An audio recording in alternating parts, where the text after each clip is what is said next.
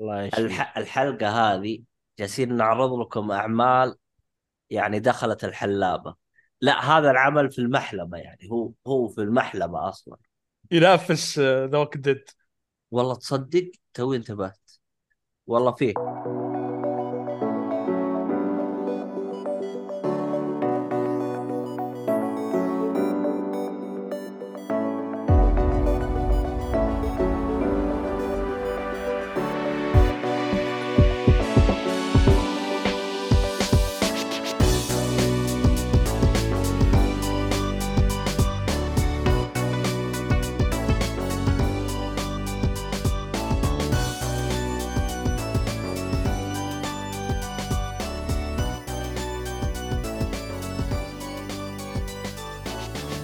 السلام عليكم ورحمة الله وبركاته، أهلا فيكم مرحبتين في حلقة جديدة من بودكاست شيكولي، أنا مقدمكم عبد الله الشريف، معي المرة هذه ناصر عقيلي، يا هلا ومسهلا والله. حياك الله. آه عبد المجيد، السلام عليكم السلام ورحمة الله وبركاته. آه طبعا بودكاست جيكولي غني عن التعريف، الحلقة هذه راح تكون حلقة ترفيه، أفلام مسلسلات وأخوانها، آه طبعا ال- الحلقة آه، موجودة بجودة أفضل على منصات البودكاست. يبي يسمعها بصوت أفضل ومنقهة وفيها بعض من الطرائف والأشياء هذه وبعض من من ال- ال- الجلد اللي أنا طبعا أمنتجه. آه ولكن اللي يبغى يت- يتفاعل معنا ويشارك معنا آه يقدر يجي على منصات ال- البث اللي هو آه YouTube Twitch Kick أو آه، تك تك أو Jaco آه، طبعا إحنا آه، نبث تقريبا يوم السبت ترفيه ويوم الاثنين ألعاب. طبعا ال- السبت هذا راح يكون آخر بث للتوقف الدولي. راح نوقف إحنا أسبوعين على البث في حق الترفيه عشان عندنا معرض مهرجان بحر احمر فاللي يبغى يجي هناك يقابلنا سوف يحصل على زك تذكرتين مجانا. راح أوزع لكم آه، إذا جاء أحد من المتابعين. راح أوزع عليه يصير يحضر معي الفيلم مجانا. فيعني آه طبعا المهرجان راح يقام آه في شو اسمه في الريدسي أو في الفندق حقهم هذا اللي ما أدري شو اسمه الريدسن ما أدري شو اسمه. المهم إنه من تاريخ 30 نوفمبر إلى 9 آه، ديسمبر. فاللي عاوز يجي آه، تقدر طبعا مو شرط إنك تكون آه، إعلامي عشان تحضر السنة هذه غير النظام أو السنة اللي فاتت غيروا النظام. أي أحد يقدر يجي كل آه، تذاكر طبعا ما هي بنفس أسعار التذاكر السينما تقدر تذكر على 40 130 على حسب الفيلم. آه، إيش في حاجة ثانية؟ آه، شكرا شكرا شكرا يا عذاري. آم، إيش في حاجة ثانية غير ال- هذا؟ غير مهرجان البحر الأحمر؟ آه شو اسمه هذا؟ طبعا في عندهم خاصية إنك تشتري باكج. آه اللي هي اسمها باقة عشاق الافلام، أنا ما أدري إذا هي متاحة الآن أو لا، لكن الظاهر قيمتها 480 ريال حاجة زي كذا. آه اللي بيحضر الأيام كاملة راح تكون آه اللهم صل على محمد آه راح يتك... راح يعطوك اللي هو أربع أفلام باليوم تشوفه إذا أخذت الباقة هذه أو إذا بتأخذ بالقطار على كيف. هذا بخصوص المهرجان آه طبعا هو للأسف في بعض الأفلام ما راح تعرض. يعني تلقاها فقط في المهرجان ممكن ما تحصلها بعد المهرجان. هذا ممكن من بعض السلبيات لكن راح نشوف وش وضعهم. لكن في من ضمن الأفلام اللي راح تعرض على طول بعدها زي مثلا مندوب آه اسمه مندوب الليل الظاهر. مندوب الليل. حق علي الكلثمي نعم. أيوه وأحلام العصر أيضا. أيوه راح آه يعني زي مثلا حق مندوب الليل راح ي... راح ي... يصدر بتاريخ 14 ديسمبر. هذا راح يكون. متواجد في المعرض. طبعا عبد الله أكيد إنه طريقه تصوير الأفلام اللي بتكون موجودة تركيزها آه، بالكثير إنها تكون جودة أفلام ال- ال- المهرجانات. ما هي بال يعني أي أحد تصور إنه بيفكر إنه يحضر أفلام عادية مثلا آه، نفس الأفلام التجارية يعني مختلف الوضع.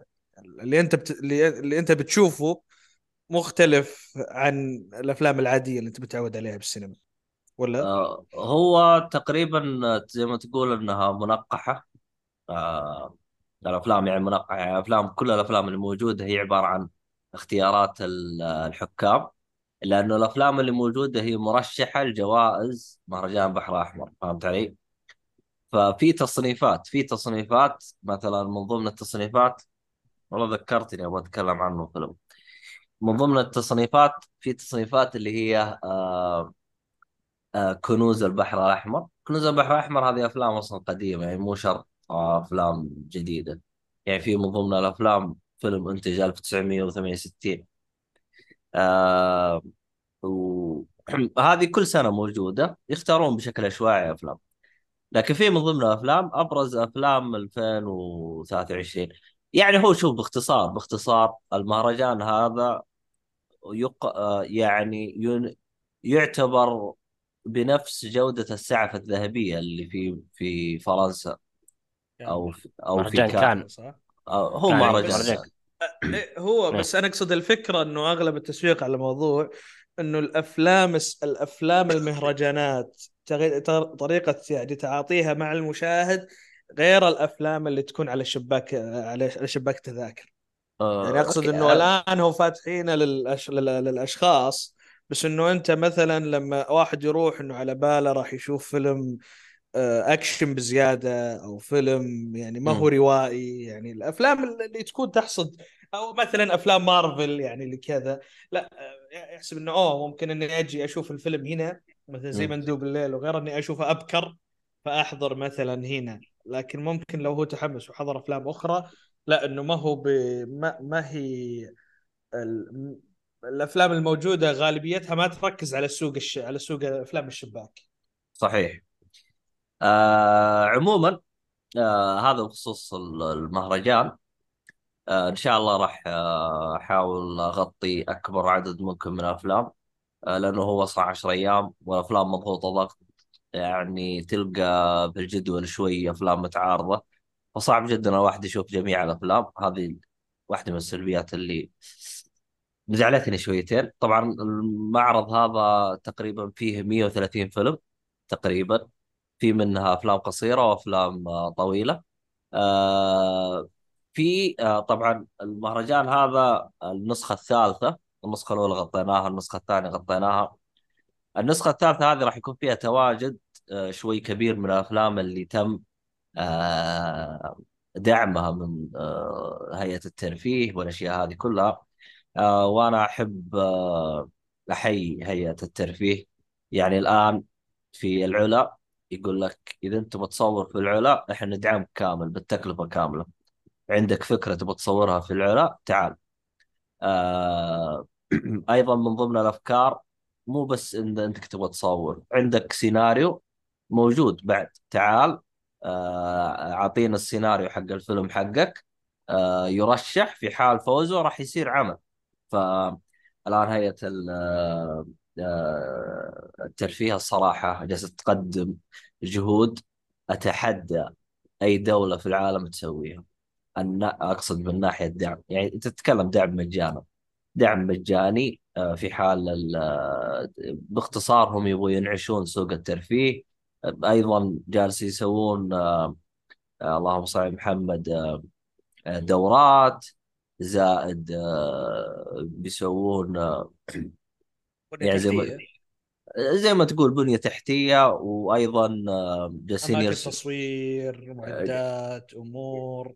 جالسين يرسلون ناس يعني عظيم جالسين يرسلون الناس إلى برا السعودية عشان يأخذون دروس ويتعلمون من استديوهات عريقة. يعني أشياء الصراحة اللي جالس أتكلم عنها في الحلقة هذه ساعتين ممكن ما راح آه، أخلص من الأشياء اللي هم جالسين يقدموها. آه، ف في الوقت الحالي تعتبر فرصة ذهبية للي يبغى آه، يخلي أعماله على على الواقع. فهذا بل حتى على أكمل وجه. من ناحية التجهيزات ومن ناحية الخبرات ومن ناحية ال... الإشراف. فالمهرجان هذا راح يكون فيه نسبة كبيرة من آه، شو اسمه من الأعمال اللي راح يتم دعمها. آه، المميز آه، إنه ترى أعمال مو شرط تكون أنت سعودي عشان تدعم كيان الترفيه هذه الترفيه آه، الباب واسع للجميع. فصراحة آه، حاجة تشكر عليها. و واضح إنه الأعمال يعني من. من سنة لسنة بحكم إن إحنا ننظر كل سنة انه الاعمال زي ما تقول إيش آه، بتنضج بتصير في أفكار أقوى آه، بيصير في مستوى التمثيل بيعلى. يعني أول كان شغل تسليك الحين لا بنشوف في أشياء آه، تستحق. عموما متحمس كثير للمعرض. راح نغطيه بشكل تفصيلي إن شاء الله أنا وحادي إن شاء الله. نشوف عاد إحنا الأشياء الثانية. شباب أنا بأفلح فشوفوا وضعكم. طيب. تستلم الموضوع لا. هلا جميل. أسلم يا شيخ. آه، أنا في هلا موضوع كيف ودي أتكلم عنه بشكل سريع. بما أن عبد الله تكلم عن مهرجان البحر الأحمر الموضوع المفروض أتكلم مع عنه في الحلقة الماضية واللي قبلها بس للأسف ما تيسر لي الموضوع. للأسف إنه صارت لي ظروف وسفرة مفاجأة فما قدرت يعني أحب أتكلم عن الموضوع. اللي هو مؤتمر النقد السينمائي أقيم من 7 نوفمبر إلى 12 نوفمبر. طبعا كذا المؤتمر ست أيام. أنا تقريبا حضرت ثلاث أيام من المؤتمر. فحضرت ثلاث أيام اللي هي من تقريبا من 10 نوفمبر إلى 12 نوفمبر. فالمؤتمر أصلا من سبعة إلى تقريبا عشرة. في ورش وفي دورات تدريبية وفي حوارات جلسات حوارية وفي فعاليات كثيرة. فبعد 12 12 نوفمبر كان الحفل الختامي للمؤتمر النقد السينمائي. بعد بيومين اللي هو الاثنين والثلاثاء اللي هو 13 و14 نوفمبر كان متاح فقط المعرض الفني. فطبعا المعرض الفني اللي هو تقريبا معرض فني فيه أفلام قصيرة تعرض. فيلم واحد منها VR اللي هو كوبو يج... Walk the City أو كو... كيبو يجول اليابان أو يجول المدينة. وفي أفلام قصيرة مثلا مثل Delivery Dancer's Sphere وغيرها من الأفلام. المؤتمر انطباعي عن المؤتمر بشكل عام صراحة المؤتمر كان جميل جدا. يعني آه، المؤتمر كان يحمل عنوان ما وراء الإطار وفعلا يعني المؤتمر كان يحمل هذا المعنى اللي هو ما وراء الإطار ويقدم المعنى هذا بشكل جميل. يعني خصوصا من خلال ورش العمل والتدريب اللي حضرتها يمكن حضرت ورشة عمل كيف تنتج أفلام بود- بودكاست أفلام كيف تنتج أفلام بودكاست. كانت في نصائح لطيفة في ورشة العمل هذه قدمها المدرب اللبناني ربيع الخوري. فكانت في أشياء جميلة صراحة فادتني يعني على صعيد البودكاست. حتى جزء من ال- الدورة كان جزء منها عملي. فالجزء الساعة الثانية الساعة الأولى نظرية الساعة الثانية كانت عملية. فقدمنا فيها زي ما تقول سيناريو للبودكاست حوار مع مخرج عن فيلم. فكان السيناريو يعني جدا جميل أعجب به المدرب بشكل كبير. يعني أثنى علينا أنا ومجموعتي. فكان تجربة جميلة بالنسبة لهذه الورشة. في آه، ندوة عمل آه، قدمها الدكتور سعد البازعي اللي هي تجربة كسر حاجز الوهم بين السينما والرواية. أيضا كانت من أفضل تجارب المؤتمر ال- طبعا ندوة العمل عن كسر حاجز الوهم بين السينما والرواية يقصد بها الدكتور سعد البازعي اللي إحنا نسميها بكسر الجدار الرابع. بس إنه أشوف أنا تسمية الدكتور سعد البازعي بكسر حاجز الوهم تسمية أدق. لسبب أول لأنه أصلا يوم يتكلم معك الشخصية سواء كانت شخصية روائية أو شخصية بالفيلم أو المسلسل يوم تتكلم مع المشاهد أو مع الجمهور هي كأنها كسرت حاجز ال- الوهم في هذا الفيلم إنه ما تشاهده هو هو حقيقة وهم وليس حقيقة يعني. فهذه التسمية أشوفها دقم دكتور سعد البازي اللي هي كسر حاجز الوهم. كيف فالم... ال... شلون يعني. بس إذا تسمح لي أقاطعك هنا شلون خذ فكرة راحتك اللي هو وهم ال... ال... ال... يعني هل هل هو قصدك إنه الممثل يدخلك في في في عالم ال- ال- الفيلم أو في قصة الرواية بأنه يجعلك تشعر فيه بأن حقيقة هذا العالم اللي يعيش فيه الممثل ولا هي تقريبا زي كذا هي أصلا هو. يجيب لك الفيلم في البداية الممثل يعيش دوره تمام؟ وكل الممثلين يعيشين دوره. بعدين يجيك واحد ممثل كأنه يتكلم مع الكاميرا. عرفت اللقطة هذه اللي يسمونها كسر حاجز الجدار الجدار الرابع صحيح يوم يتكلم مع الكاميرا كأنه هو يكسر حاجز الوهم إنه ما ما تشوف فلان مجرد وهم وتمثيل. هذا المقصود يعني إنه أنا ممثل وأتكلم معك الآن. انه يوصل ليست الرسالة هذه. الكاميرا؟ يعني مثلا إنه الكاميرا ليست بوابة مثلا زي مثلا لما نشوف إنها بوابة لعالم آخر لا هو هو الشخصية هذه اللي تتكلم مع الكاميرا كأنها تشعر بأنها تلقي إلى إلى أنها قاعدة تصور المشهد هذا لأنه لأنه في مشاهد خارجي آه، أيوه ينظر إليه صحيح بالضبط إيه. فهذه ترى حتى موجودة في ال- الكوميكس يعني النقطة هذه موجودة في الكوميكس بس بطريقة مختلفة في الكوميكس. يعني مثلا الكوميكس يقول لك آه، واحدة من الشخصيات كسرت آه، جدار العالم حتى تواصلت مع كتاب وصانعي هذا العالم. عندك فهي Deadpool مثلا في ال comic عندك شو إيه، اسمه آه عندك عندك في المسلسلات كان فيه آه شو بالضبط اسمه إيه. حق House of Cards صحيح كان يكسر الجدار الرابع بكثرة صح؟ اي كان عندك حسب مالكوم ما ذا لما يلفلف بالضبط. ويتكلم مع الكاميرا. فالتوجه مثلا موجود لكن كيف توظفه دراميا؟ هذا كان قصدهم من الدورة الموجودة؟ دورة إي نعم. كيف توظفه بشكل ممتاز يعني؟ سواء في السينما أو الرواية. هو ذكر أمثلة ممتازة للرواية وفي نفس الوقت ذكر أمثلة ممتازة للسينما بشكل عام يعني. فكانت الن- الندوة جميلة. أنا صراحة تجربتي لل النقد السينمائي بشكل عام 10 من 10 صراحة يعني من أفضل. يمكن أول مؤتمر أو أول مهرجان أحضره بالش- بالشكل هذا وكانت تجربة جميلة جدا جميلة الدورات صراحة. اللي كنت حضرتها أو بس أو ما قلت ان أنا يعني أنا توني يمكن أسمع عنه يعني إيه. بس وين كان إيه. يقام؟ من كان خلف المؤتمر؟ كان آه، يقام في قصر الثقافة بداخل حي السفارات في الرياض.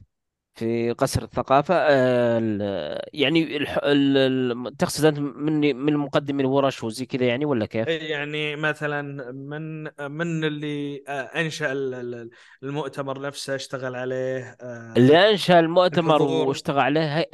هيئة الأفلام من قصر من وزارة الثقافة عفوا هيئة الأفلام من وزارة الثقافة. وعندك برضو اللي هي في منصة إخبارية اسمها سوليود أكيد مرت عليك. برضو تعتبر من المنظمين أيضا. بس يعني اللي هي بالتوجه ما هيئة يعني اكبر الأفلام كان وسوليود إي كانت يعني أكثر هي عمل وزارة الثقافه من آه، وزارة الثقافة. إيه إيه نعم وزارة الحضور يعني الثقافة بالضبط. إيه كان الحضور عام ولا؟ الحضور تقريبا كان عام أكثر منه أي واحد يقدر يدخل رابط يسجل مباشرة تجيه آه التذكرة. وكانت تقريبا يعني شبه عام بس إنه ما أعلنوه بشكل عام يعني هو تقريبا عام بس ما أعلن إنه عام للجميع يعني. يعني أنت إذا يعني دخلت آه, الموقع رابط تسجيل ممكن تسجل يعني. آه يعني ما لكن ما تم تسويقه بشكل إنه آه يعني إنه ممكن الناس تستوعب. لكن أكيد إنه كان متاح للجمهور. ما إيه. إيه إنه في آه، مقاعد محدودة ولازم أنت مثلا تسجل لأن في عدد معين يعني. هذا القصد يعني. خلاص إذا أنت ما ما سجلت وأخذت لك آه، تذكرتك ممكن ما ما تقدر تحضر وتشارك في صح الدورات الموجودة. بالضبط. هو صراحة للأسف من من ضمن ال- السلبيات المؤتمر إذا كانت تعتبر سلبية هي مين سلبية من قبل المنظمين؟ هي سلبية من قبل الحضور. الحضور كان قليل يعني. أقصد أنه مو سلبية من قبل الحضور. يعني الحضور في المؤتمر تقريبا جميع الأيام اللي حضرتها يمكن كانت قليلة إلا آخر يوم الحفل الختامي كان مزدحم تقريبا. بس آخر يوم حفل ختامي كان مزدحم. اليومين اللي قبلها حضرتها ما كان في ذاك الحضور صراحة. طيب آه، خلينا نرجع الحين شوي. الدورات اللي حضرتها أعتقد أنت تكلمت عن ثنتين يعني إي اللي أنا تقريبا الثنتين هذه وفي واحدة ثالثة اللي حضرتها تقريبا اللي هي سل اسمها جلسات حوارية رؤى افتراضية. آه كانت مقابلة مع مخرجين أغلبهم مخرجين أعمال قصيرة. يعني مثلا في فيلم أنا شفته في المؤتمر وعجبني الفيلم هذا بشكل كبير حتى قيمته تسعة من عشرة اللي هو Delivery Dancer's Sphere راقصة التوصيل. فنفس هذه الجلسة الحوارية ل after يون كان. فتكلمت عن الفيلم بشكل جميل. ممكن أذكرها من النقاط اللي أذكرها يوم نتكلم عن الفيلم يوم نجي لموضوع الأفلام. برضو من ضمن المقابلات في هذه الجلسة الحوارية الافتراضيه كانت مقابلة عن المخرج محمد الحماد. وتكلم عن الفيلم ما لا نهاية منذ 83 طبعا هو من مواليد 1983 كان كان الفيلم لا نهاية منذ 83 أشبه بالسيرة الذاتية الحقيقية لل- للمخرج. يعني في صور حقيقية وفي أصوات حقيقية مستخدمة داخل الفيلم القصير هذا في حياة هذا المخرج بشكل عام يعني. وراح نتكلم عنه إن شاء الله. فهذه تقريبا ثلاث ملتقيات اللي حضرتها وفي أفلام حضرتها راح نتكلم عنها إذا جينا ندخل موضوع الأفلام. إذا كنت حاب ندخل الآن موضوع الأفلام أو عندك شيء بخصوص المؤتمر؟ إذا في أي إضافة تبغى تزيدها عن موضوع المؤتمر عن بس أنت حاليا حضرت تقريبا اللي هو الجلسة الحوارية للمخرجين. بالضبط والمخرجين هي الجلسة لل- لصناع الأفلام القصيرة الأفلام. فقط ولا ولا ولا المشاركين يعني؟ لا الجلسة الحوارية كان صناع أفلام القصيرة فقط بس برضو في نهاية الجلسة أخذوا أسئلة من الجمهور يعني من الحاضرين. في أسئلة من الحاضرين تقريبا إيه؟ هل آه، زي جلسة عن حوارية أو أي ندوة يعني. مثلا يعني هل كان في كلام عن تجاربهم مثلا في ال... بالضبط ال... آه، يعني مثلا من الأشياء اللي تكلمت فيها عنها يون كيم عن آه، فيلمها Delivery Dancer's Sphere Sphere عفوا. إنه آه، الفيلم أصلا موجه لل gamers بشكل كبير. يعني حتى إنه في آه، رمزيات كبيرة للفيلم آه، في الفيلم موجهة لل gamers. يعني مثلا الأشياء الجميلة اللي موجودة في الفيلم في رمزية كذا معينة لقطة من الفيلم هي رمزية ل glitch ات الألعاب أو الألعاب اللي إحنا نسميها الألعاب المفقعة. فكانت رمزية لهذا الشيء بشكل التقنيه يعني يعني. كذا أخطاء تقنية إيه. كانت رمزية كذا بشكل ساخر وجميل يعني جاية في وسط الفيلم. كانت لقطة جميلة صراحة يعني. لأن الفيلم آه، خلينا نتكلم عن الفيلم مدته ان تقريبا؟ الفيلم اللي هو Delivery Dancer's Sphere أو راقصة التوصيل مدته 25 دقيقة تقريبا. 25 دقيقة إلى نص ساعة في الحدود هذه. يعني ما يتجاوز نص ساعة. فخلينا نتكلم عن الفيلم بما أن دخلنا بموضوع الأفلام. ال- الفيلم يتكلم عن آه، تقريبا هو الفيلم يجمع بين الخيال والواقع. فالفيلم يطرح سؤال إنه هل يستطيع مندوبي التوصيل إنه يوصل الطلب بسرعة الضوء أم لا؟ فأنت راح تشوف إنه في في الفيلم هذا القصير إنه مندوبي التوصيل لهم رتب. في مثلا راقص مبتدئ في راقص يعني مثلا آه، متمكن واحد مخضرم واحد اسمه راقصة الشبح. راقصة الشبح هذه آخر رتب في مناديب التوصيل. هي أشبه ب level ات الألعاب. تعرف ال- ال level في ألعاب ال RPG في البداية أنت level واحد. يعني يكون اسم اسم level الوحش على قولتهم خلاص. إي level ال- الوحش إي فهذا مندوب الشبح إذا وصل ال lev- ال level مندوب الشبح يعني معناته إنه يقدر يوصل التوصيل الطلب بسرعة الضوء. يكون التوصيل فيه سريع جدا. فهو يجيب لك قصة الفيلم عن تقريبا واحدة من الراقصات أو مندوب مندوبات التوصيل. يسميهم راقصات توصيل بس هم مندوبات توصيل. واحدة من المندوبات دقيقة توها بس. دقيقة بس عشان ما تضيع. اسم الفيلم هو اسم الفيلم بس التوصيل بالعربي. بالعربي. راقصة التوصيل. حلو؟ بالعربي. يعني فاحنا يقصد عشان عشان بس نضيع عشان ما نضيع في موضوع تسمية الفيلم سنستعيض في من- مندوب التوصيل أو خ... يعني هي ال- ال- ال- ال- المسمى الموجود اللي استحدثته ال- الكاتبة بدل ما تقول مثلا آه،. مندوب التوصيل أخذت راقصة التوصيل.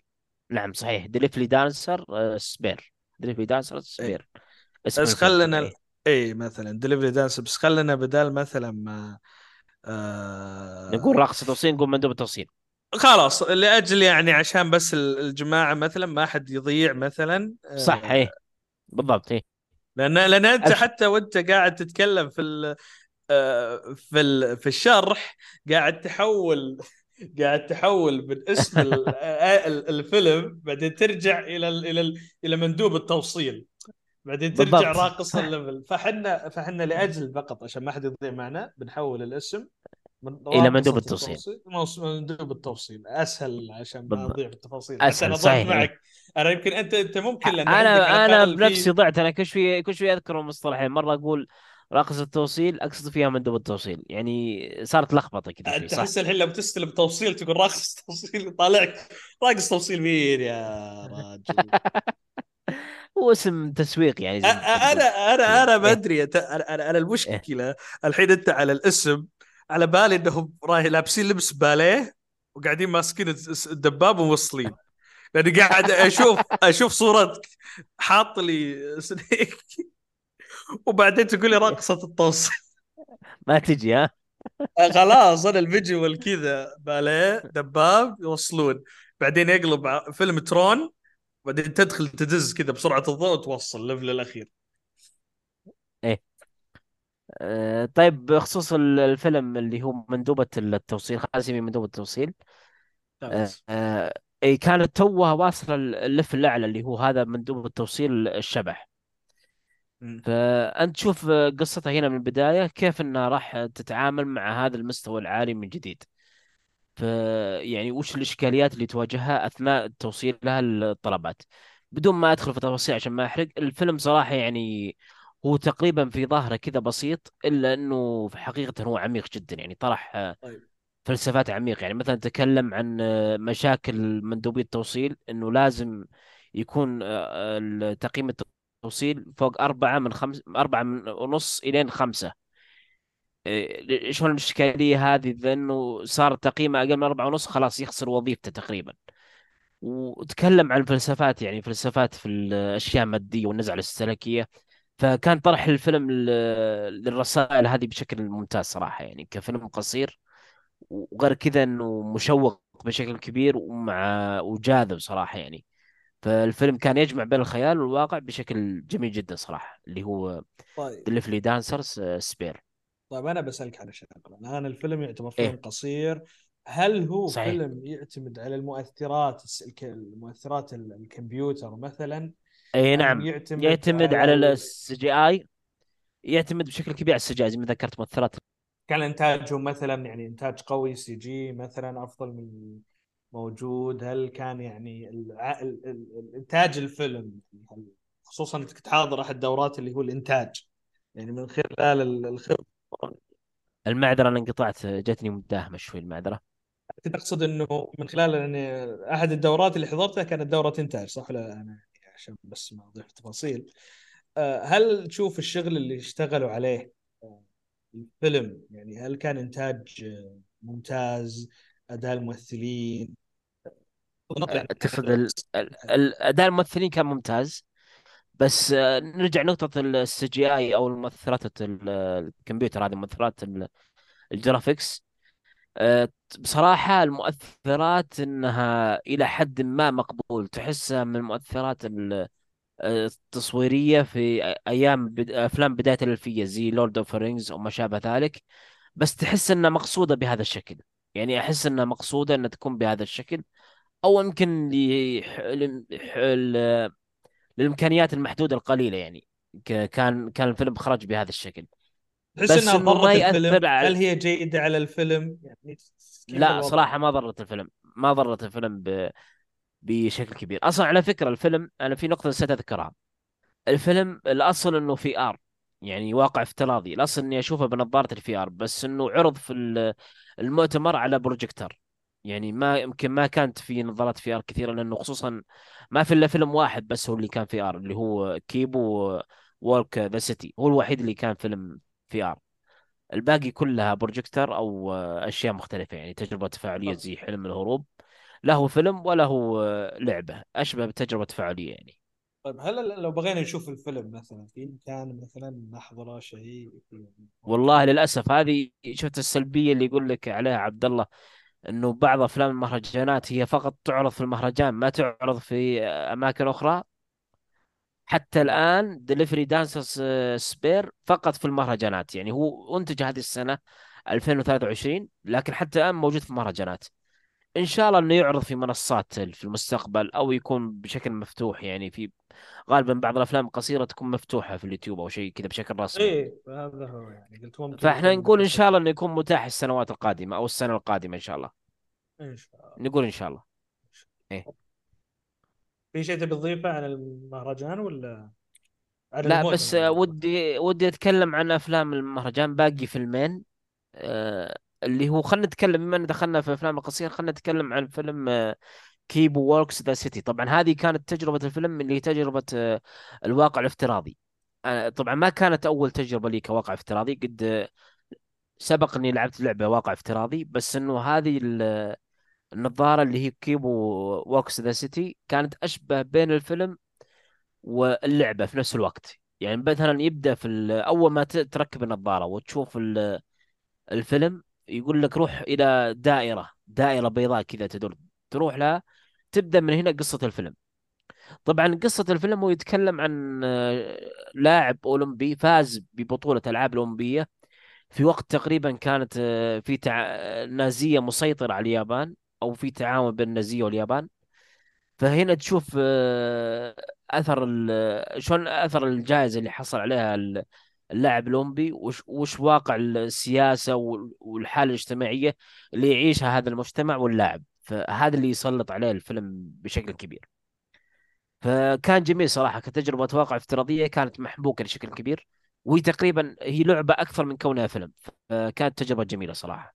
طيب هو يعني يعتبر كانه يقدم alternative history يعني تاريخ بديل زي مثلا The Man in the High Castle مثلا ولا؟ نوعا ما نوعا ما بالشكل هذا صحيح.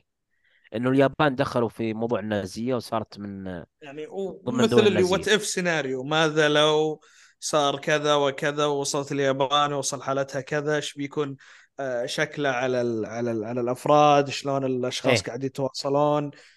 صحيح تقريبا لحد هذا. نعم إيه بالضبط. آه طيب باقي عندنا فيلم واحد من أفلام المؤتمر اللي هو فيلم آه طريق الوادي. ال- الفيلم تقريبا هو فيلم عائلي ومغامرات فانتازيا في في قدر من فانتازيا كبير. أنا للأسف الفيلم كان يعرض في السينما قبل سنتين 2021 وفاتني احضره السينما. فالفيلم يتكلم عن قصة طفل. الطفل هذا تقريبا عنده مصاب بمرض يسمونه الصمت الاختياري. يعني إنه هو تقريبا مو مرض عضوي هو أشبه بالمرض النفسي بحيث إنه يختار الطفل هذا بسبب صدمة نفسية أو مشاكل نفسية يعيشها في طفولته إنه آه، ما يتكلم. يعني خلاص ي- يبدأ يختار الصمت في مج- أغلب حياته. فلذلك تلاحظ أن الطفل في هذا الفيلم ما يتكلم إلا كلمة واحدة تقريبا على اسم غنمة غنمة صغيرة يربيها. أو زي ما تقول وش يسمون صغير الماعز؟ آه، جدي لا آه فيها والله ما أدري. اللهم صل على النبي.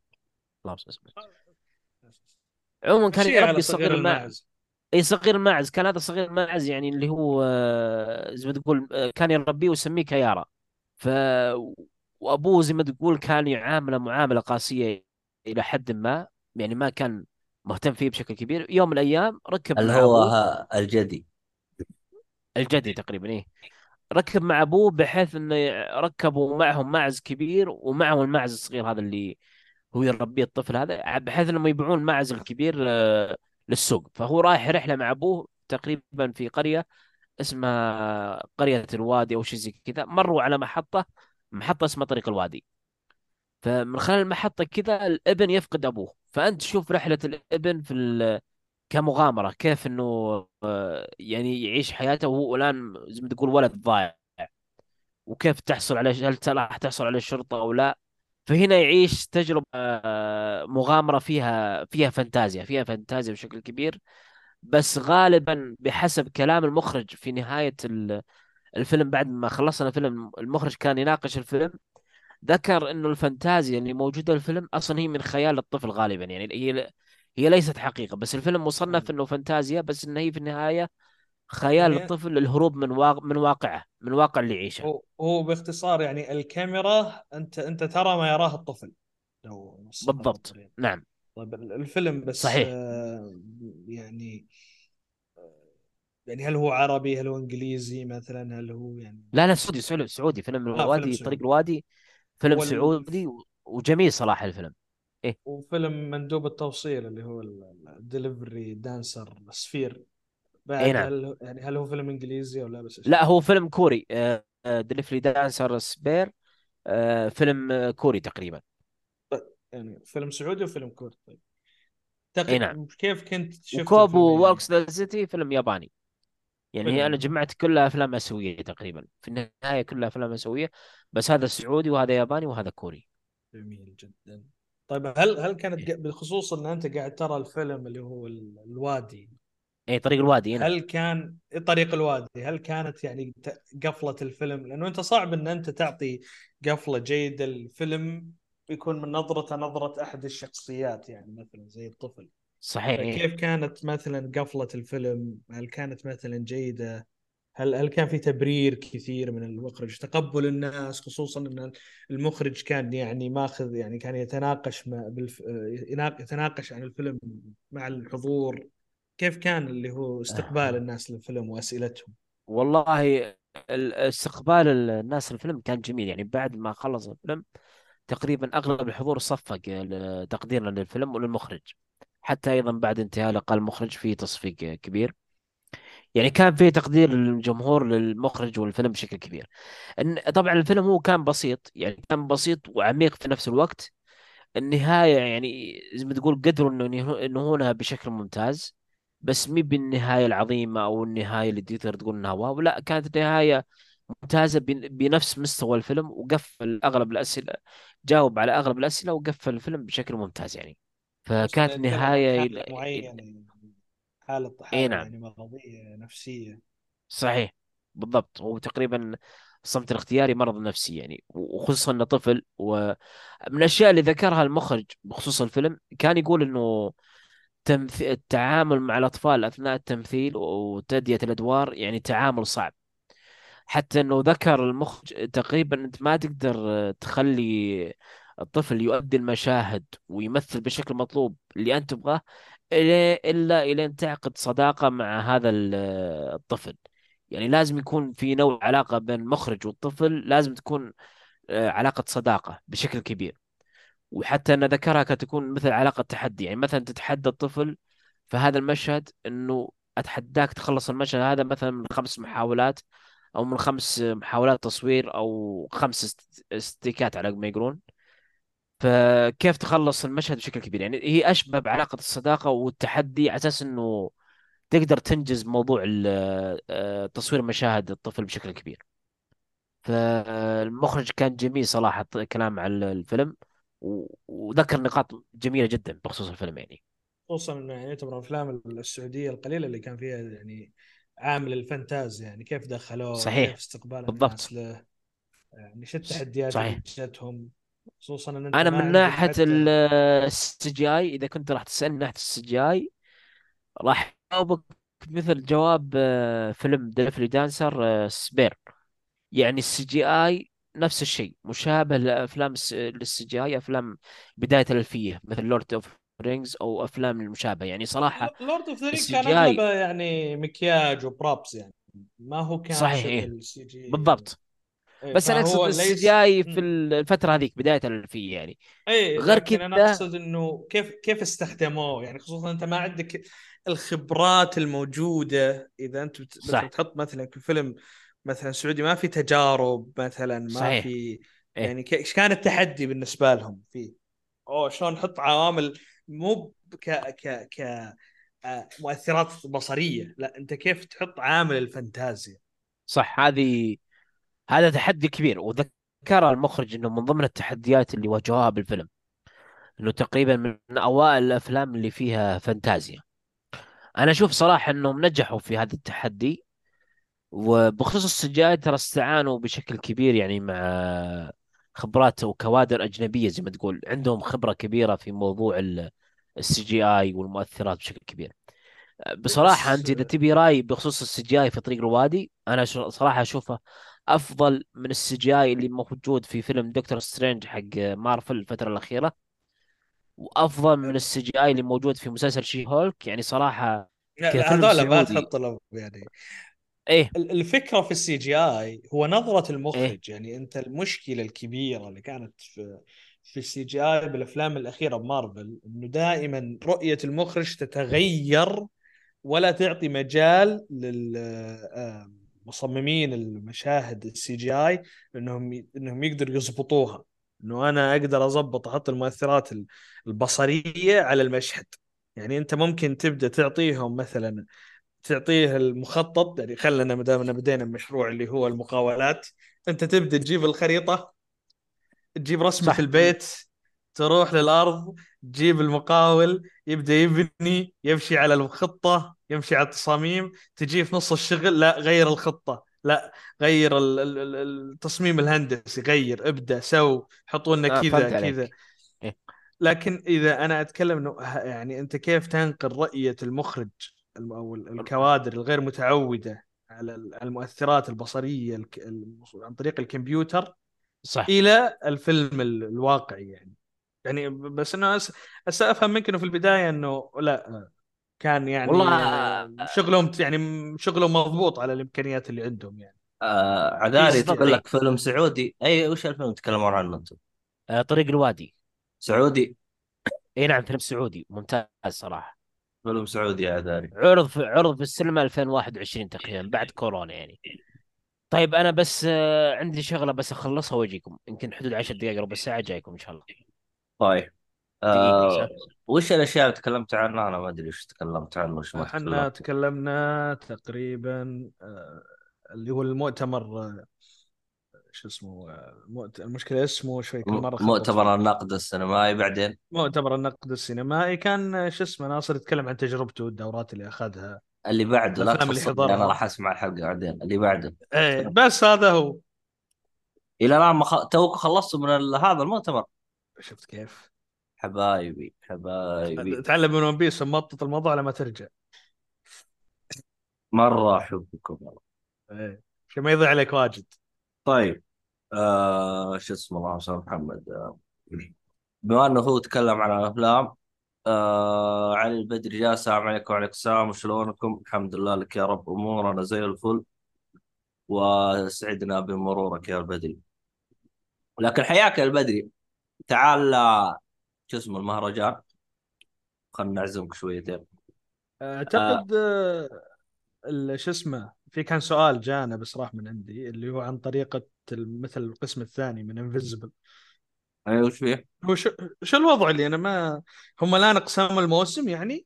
لا لا لا. يعني شفت حركة آه، الأفلام الأمريكية اللي يعرض لك العمل بداية السنة و... ونهاية السنة يروح يعني يخلي بينه break آه. هم يعني قسموه مثلا- part 1 part 2 part 1 لا لا كم لا. شهر؟ لا يعني هو هو أصلا زي مثلا The Walking Dead العمل هو أصلا آه ثمان حلقات مثلا.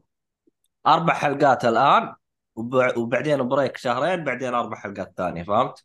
كذا الوضع جميل. بس أعتقد إنه هذه الفترة اللي هو الشبكات اللي هو ال- المحتوى اللي هي ال streaming بدأت تسويها عشان تحفظ ال... تخلي المتابع مشترك لأطول فترة يعني.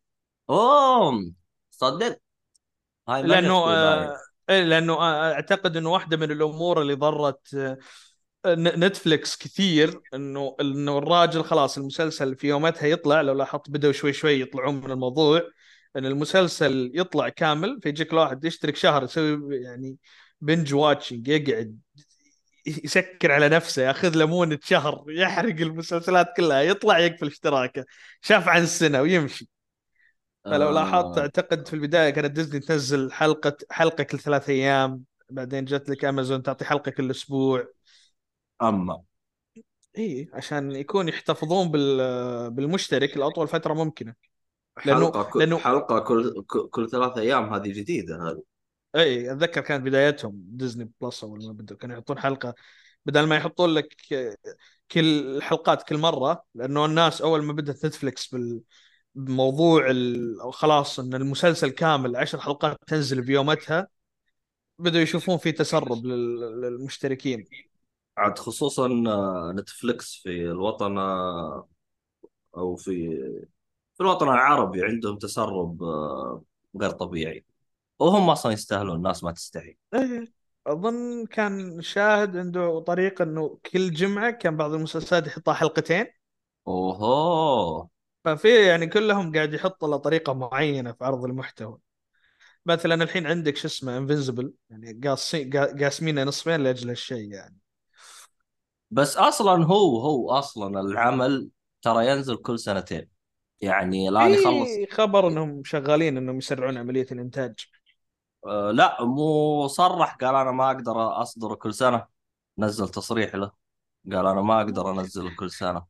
المهم أهم شيء تكون الجودة عالية والحبكة مضبوطة أما نقعد نحرق طول ورا بعض لا الحبكة ما يقدر آه، يسوي فيها شيء لأنه هو بيأخذه من كوميك فالحبكة واحدة. أنا ما شفت لكم الحلقات للأمانة اللي مقارنة بين الكوميك والأنمي بين الكوميك والأنمي بين الكوميك والشو.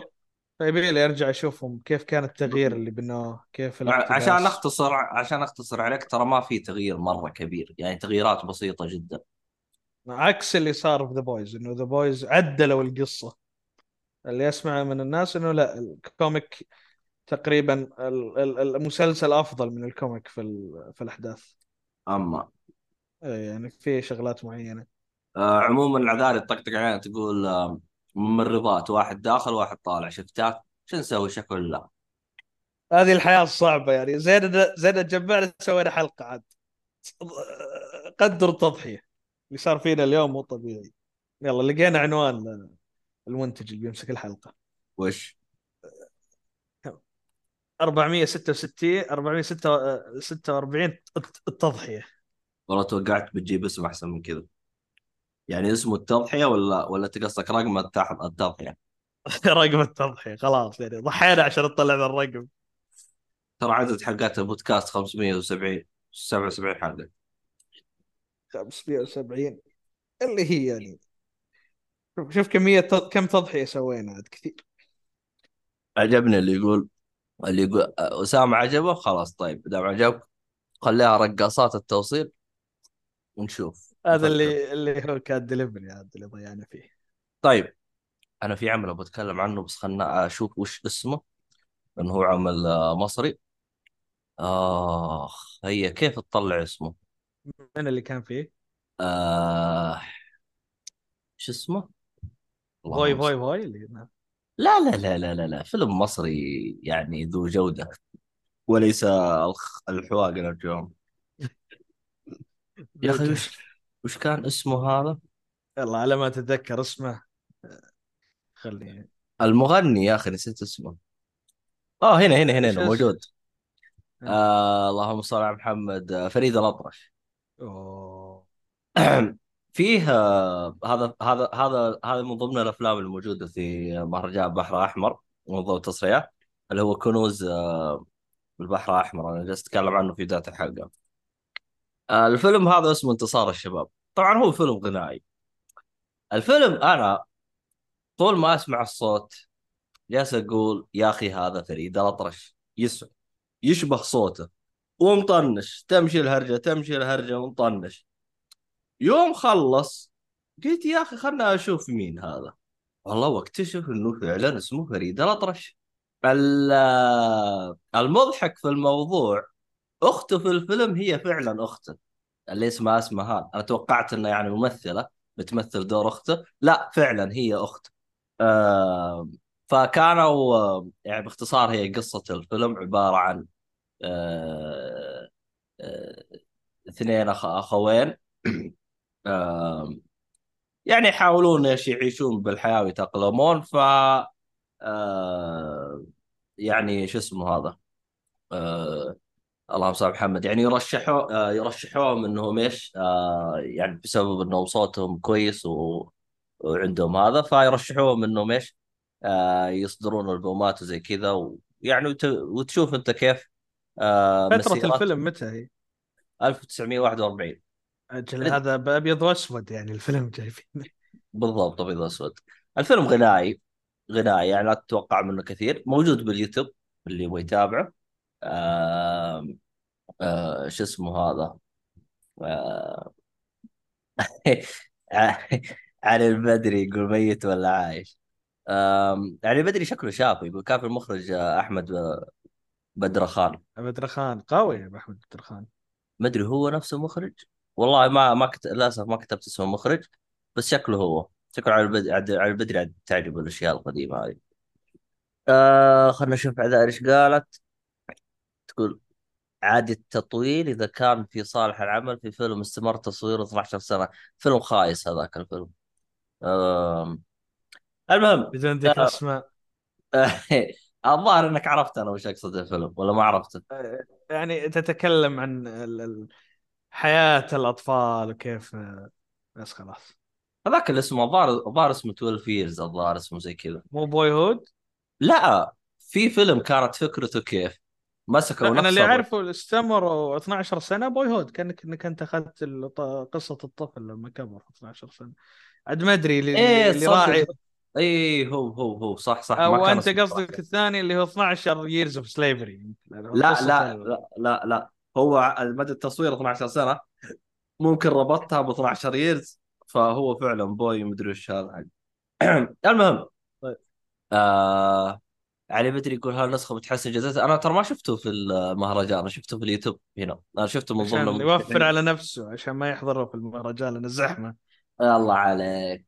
كيف اكتشفت هذا؟ لأنك كنت تتكلم قبل لو كان علي بادي من أول شاف تتكلم عن عدد الأفلام. لما تأخذ عدد الأفلام السحبه وتربطها بحالتك الحين تعرف انك شفت الحين. المهم السلام عليكم. وعليك عليكم. شوي. آه لا لا. طيب. آه ولا؟ بخصوص هذا بخصوص آه، فيلم انتصار الشباب.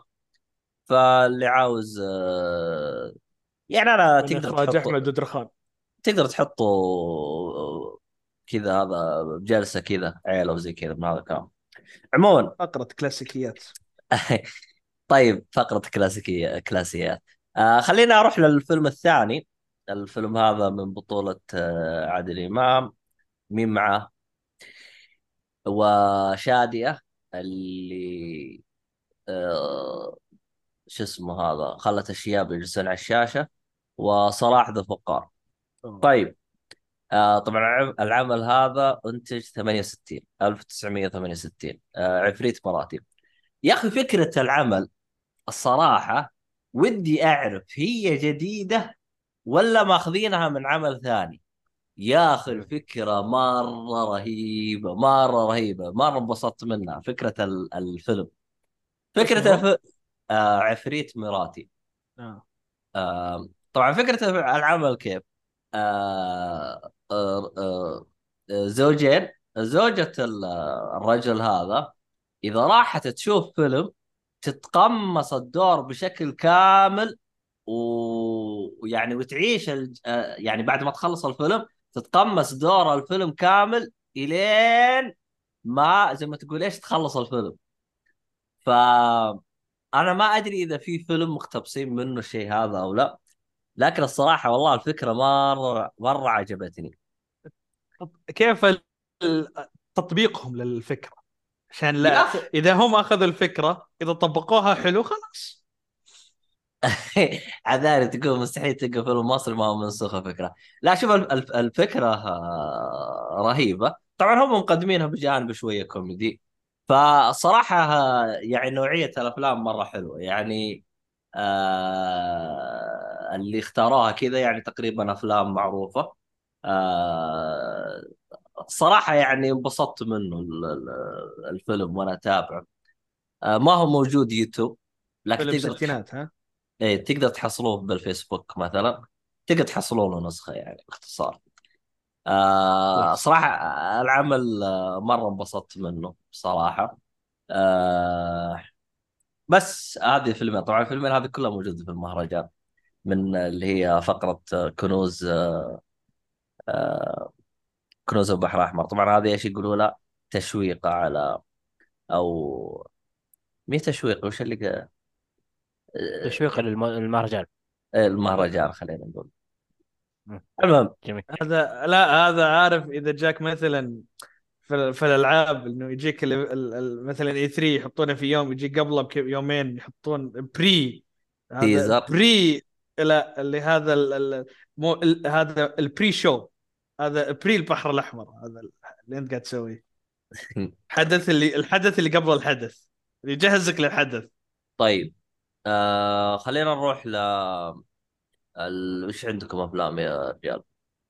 أنا عندي فيلمين إذا ممكن اتكلم عنها ولا أختار واحد منها. آه خلنا أشوف الوقت اصبر أعتقد الفيلم اللي سووا له remake في 2013 23 خذ واحد واحد بس. طيب أنا بما إنك تكلمت عن الافلام المصريه أنا في فيلم مصري برضه ودي أتكلم عنه اللي هو اسمه فوي فوي فوي طبعا آه، اسم الفيلم كذا غريب. أنا ما يمكن قبل ما أشوف الفيلم أبي أعرف وش معنى ال- الفيلم. حتى كنت ببحث بس قلت خلني ثواني. أتفاجأ بموضوع معنى الاسم. إيه؟ ثواني ماني مقطعك. آه علي بدري يقول شفت أرض الخوف. آه لا ما شفته. بس إذا تبغاني أشوفه أبشر. كمل يا ناصر. آه طبعا أقول لكم معنى الاسم ولا تتفاجئون إذا شفتوه أفضل؟ إيش رأيكم؟ نتفاجئ فوي فوي فوي أصلا فوي والله الصراحة آه، ماني متحمس أصلا للفيلم هذا كنهائيا. لكن شوف مره كلامك وش تقول. طيب ممكن أقول لكم معنى الاسم هو ما راح يعتبر حرق بس راح أقوله لكم بشكل سريع. طبعا معنى آه، شيء آه، عادي يعني مي مو بحرق أصلا. هو كلمة فوي أصلا آه، هي تتكلم عن اللاعبين العميان يلعبون كرة القدم اللي هم فاقدين البصر المكفوفين. إذا جاي يلعبون كرة القدم خاصة بالمكفوفين يوم يقرب من اللاعب الثاني بحيث لما يتصادم معاه يقول كلمة فوي. ففوي هي كلمة إسبانية أصلا أو لاتينية معناها بعد عني يعني انتبه لي يعني أنا أنا لا أنا قادم معناها أنا قادم عفوا. يعني أنا قريب من كنت بتتصادم مني. أنت بتتصادم آه، بي يعني. مصطلح عميان يعني؟ إي نعم مصطلح عميان بالضبط خ- مخصص للاعبين كرة القدم المكفوفين. طبعا قصة الفيلم هي تتكلم عن واحد آه، آه، شخص مصري آه، يشتغل حارس أمن يعني وظيفة عادية جدا بس إنه في أوقات فراغه يلعب كرة القدم. وزي ما تقول يعني نوعا ما هو مو محترف في كرة القدم بس إنه فنان. يعني يلعب كرة القدم مع أصدقائه فنان في اللعب يسجل أهداف وزي كذا. في يوم من الأيام قرأ في الجريدة عن بطولة آه، كرة قدم للاعبين المكفوفين. ف اللي هم فاقدين البصر. فإيش يسوي هو؟ يدعي إنه مكفوف ويروح للنادي هذا بحيث إنه مكفوف ويطلب معهم التسجيل في في, في النادي هذا اللي كرة القدم. النادي هذا اللي راح يشارك في بطولة كأس العالم للأندية المكفوفين.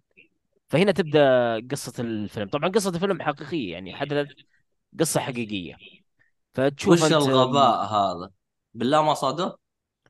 أه والله هذه ما ودي أقولها لك أنت بتشوفها في طيب الفيلم. طيب. اي شوف. الحدث شوف المس... الفيلم وتعرف. اي شوف الفيلم بتعرف عشان ما أحرق عليكم. فهذه تقريبا قصة الفيلم بشكل عام بدون حرق يعني. فالفيلم جميل صراحة يعني آه، يعني أنا تفاجأت إنه قصة حقيقية وطرح بهذا الشكل يعني. الفيلم قدر يجذبني في كل لحظاته يعني السرد كان جدا ممتاز في في طرح الفيلم. فحتى التمثيل آه، تمثيل الشخصية الرئيسية وتمثيل الممثلين كلهم ممتاز خصوصا حتى تمثيل الأم كان مرة رهيب صراحة. الأم يعني أنا قد شفتها قبل في مسلسل سفاح الجيزة هنا أيضا كانت ممتازة في هذا الفيلم. الفيلم طبعا طرح آه، عدة رسائل مثلا من الرسائل اللي طرحها أنه هل الغاية تبرر الوسيلة أو لا؟ وكان آه، مناولته لهذه ال- ال- الرسالة أو هذه القضية يعني كان بشكل ممتاز جدا. برضو من الأشياء اللي طرحها ال- الفيلم أنه كما أنه في مصريين نصابين يعني في مصريين فعلا كذابين مثل آه، شخصية البطل اللي ادعى إنه مكفوف. في في الجانب الآخر في مصريين هناك صادقين ومصريين آه، شرفاء وغير كاذبين. يعني هذه كانت رسالة حلوة يعني بخصوص المجتمع المصري. وأنا أتفق معهم بهذا الشيء. فعلا كل مش... كل شعب وكل مجتمع فيه جزء منه نصاب وجزء منه كذاب. هذا شيء طبيعي يعني ما تقدر ما يدك مين سوا أشوف اصابع عندك أنا من سوا اي أنا نعم. أبغى أبغى حاجة واحدة. تجاوبني عليها هي اللي تخليني أقرر أشوفه أو أروح أحرق على نفسي وأقرأ قصة. أيوه وهي؟ العبط حق ال- شو اسمه هذا؟ آه، المصريين اللي هو ها أشياء تحت الحزام موجودة أو لا؟ إلا في في موجودة. في كوميديا حلوة صراحة. أنا ما أبغى كوميديا. أنا ما أقصد كوميديا أنا اقصد اقصد طريقة ال... طريقة سرد إيه. الحوارات هل هي مناسبة ولا؟ يعني مثلا آه زي فيها زي أشياء مثل إيش؟ مخلة يعني اعطني مثال إيه؟ زي في أشياء مخلة مثلا زي أو زي الفيلم الخايس حقهم هذا اللي اسمه sugar daddy هذاك. آه أنت تقصد في أشياء يعني كذا شاطحة مرة يعني نوعا ما صح؟ شاطحة وعبط يعني. أنا ما أتكلم عن عبط أنا أتكلم عن قلة أدب. في في في. في قلة أدب في. إيش وضعهم؟ مكفوفين وحاطين إيش وضعه؟ إيش؟ أنا أبغى أعرف أنا. قلة الأدب تقريبا في أجزاء من الفيلم. هو طبعا مو بقله الأدب عن المكفوفين. أغلب أغلب شيء قلة الأدب عن غير المكفوفين. يعني مثلا هذا البطل اللي يدعي إنه مكفوف عنده أصدقاء غير مكفوفين. فتشوف سواليفهم يعني كذا فيها قلة أدب شوي. يا أخي وش حتى وضعهم أنا أنا أنا ودي أروح لل- للمصريين أقول له وش وضعك. يعني يعني تتوقع إنك أنت جذبتني أنت يوم حطيت العبط حقك هذا وش وضعك والله ما أدري شو وضعهم بصراحه غريبين بالشيء هذا. بس انها هنا مي بجاية يعني جاية بشكل آه، فج يعني شكل كذا يعني شكل جاي بالغصب. لا لا لا. يعني مت- متماشية مع مو- مع سرد الفيلم. بشكل خفيف يعني زي ما تقول. بشكل خفيف نوعا ما. إلا آه. ممكن في النهاية تحس انها كانت كذا في في لقطة في النهاية يعني فيها قله أدب كثيرة يعني بدون ما أخش في التفاصيل. عموما آه علي بدري يقول تبغاني أدز لك نسخة محسنة؟ دز لي اياها اشوفها يعطيك العافية مقدم. المهم كمل. حلو.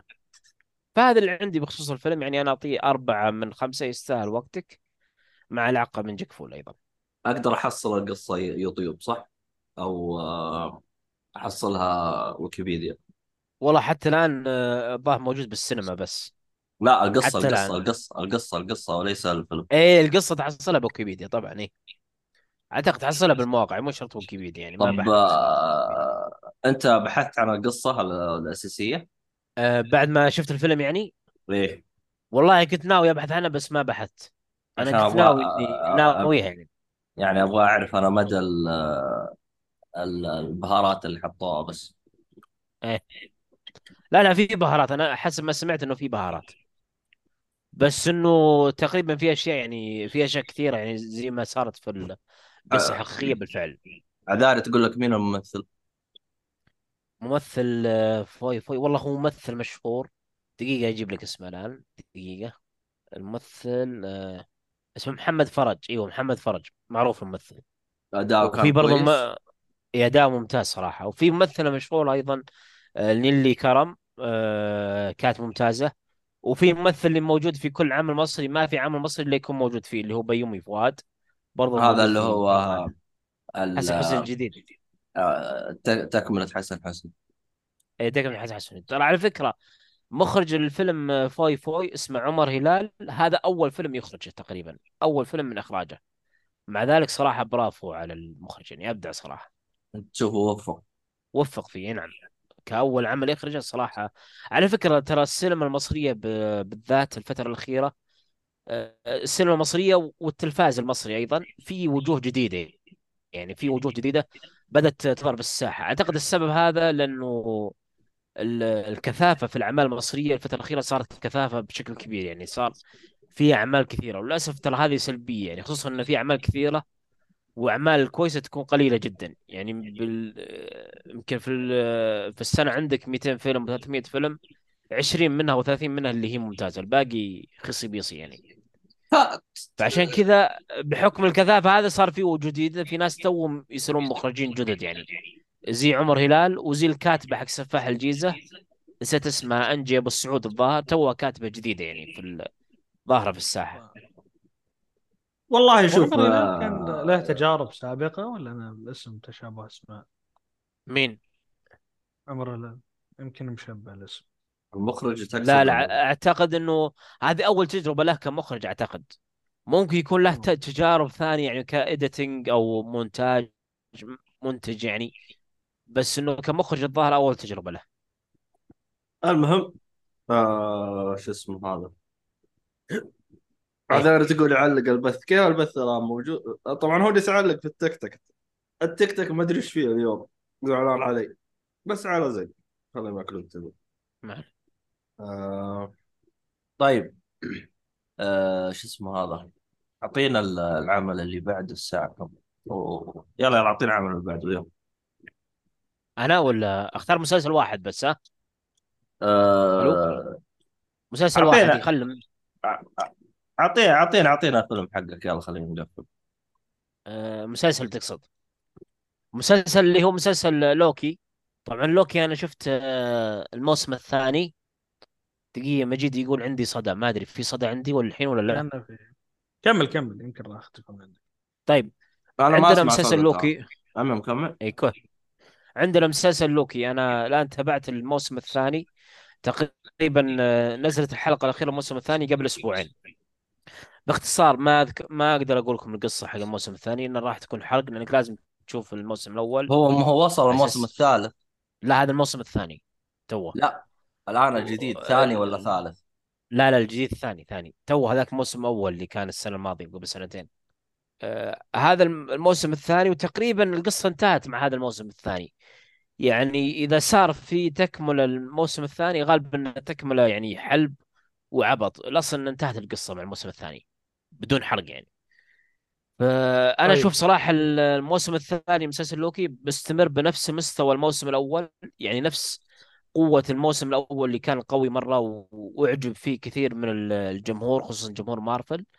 الموسم الثاني استمر على نفس المستوى بل يكاد يكون أفضل خصوصا أنه النهاية كانت من أفضل النهايات اللي شفتها في أعمال مارفل بشكل عام. يعني أعمال مارفل آه، كسينما و- آه، وتلفاز هذا أفضل ع- نهاية تقريبا شفتها لعمل من أعمال مارفل.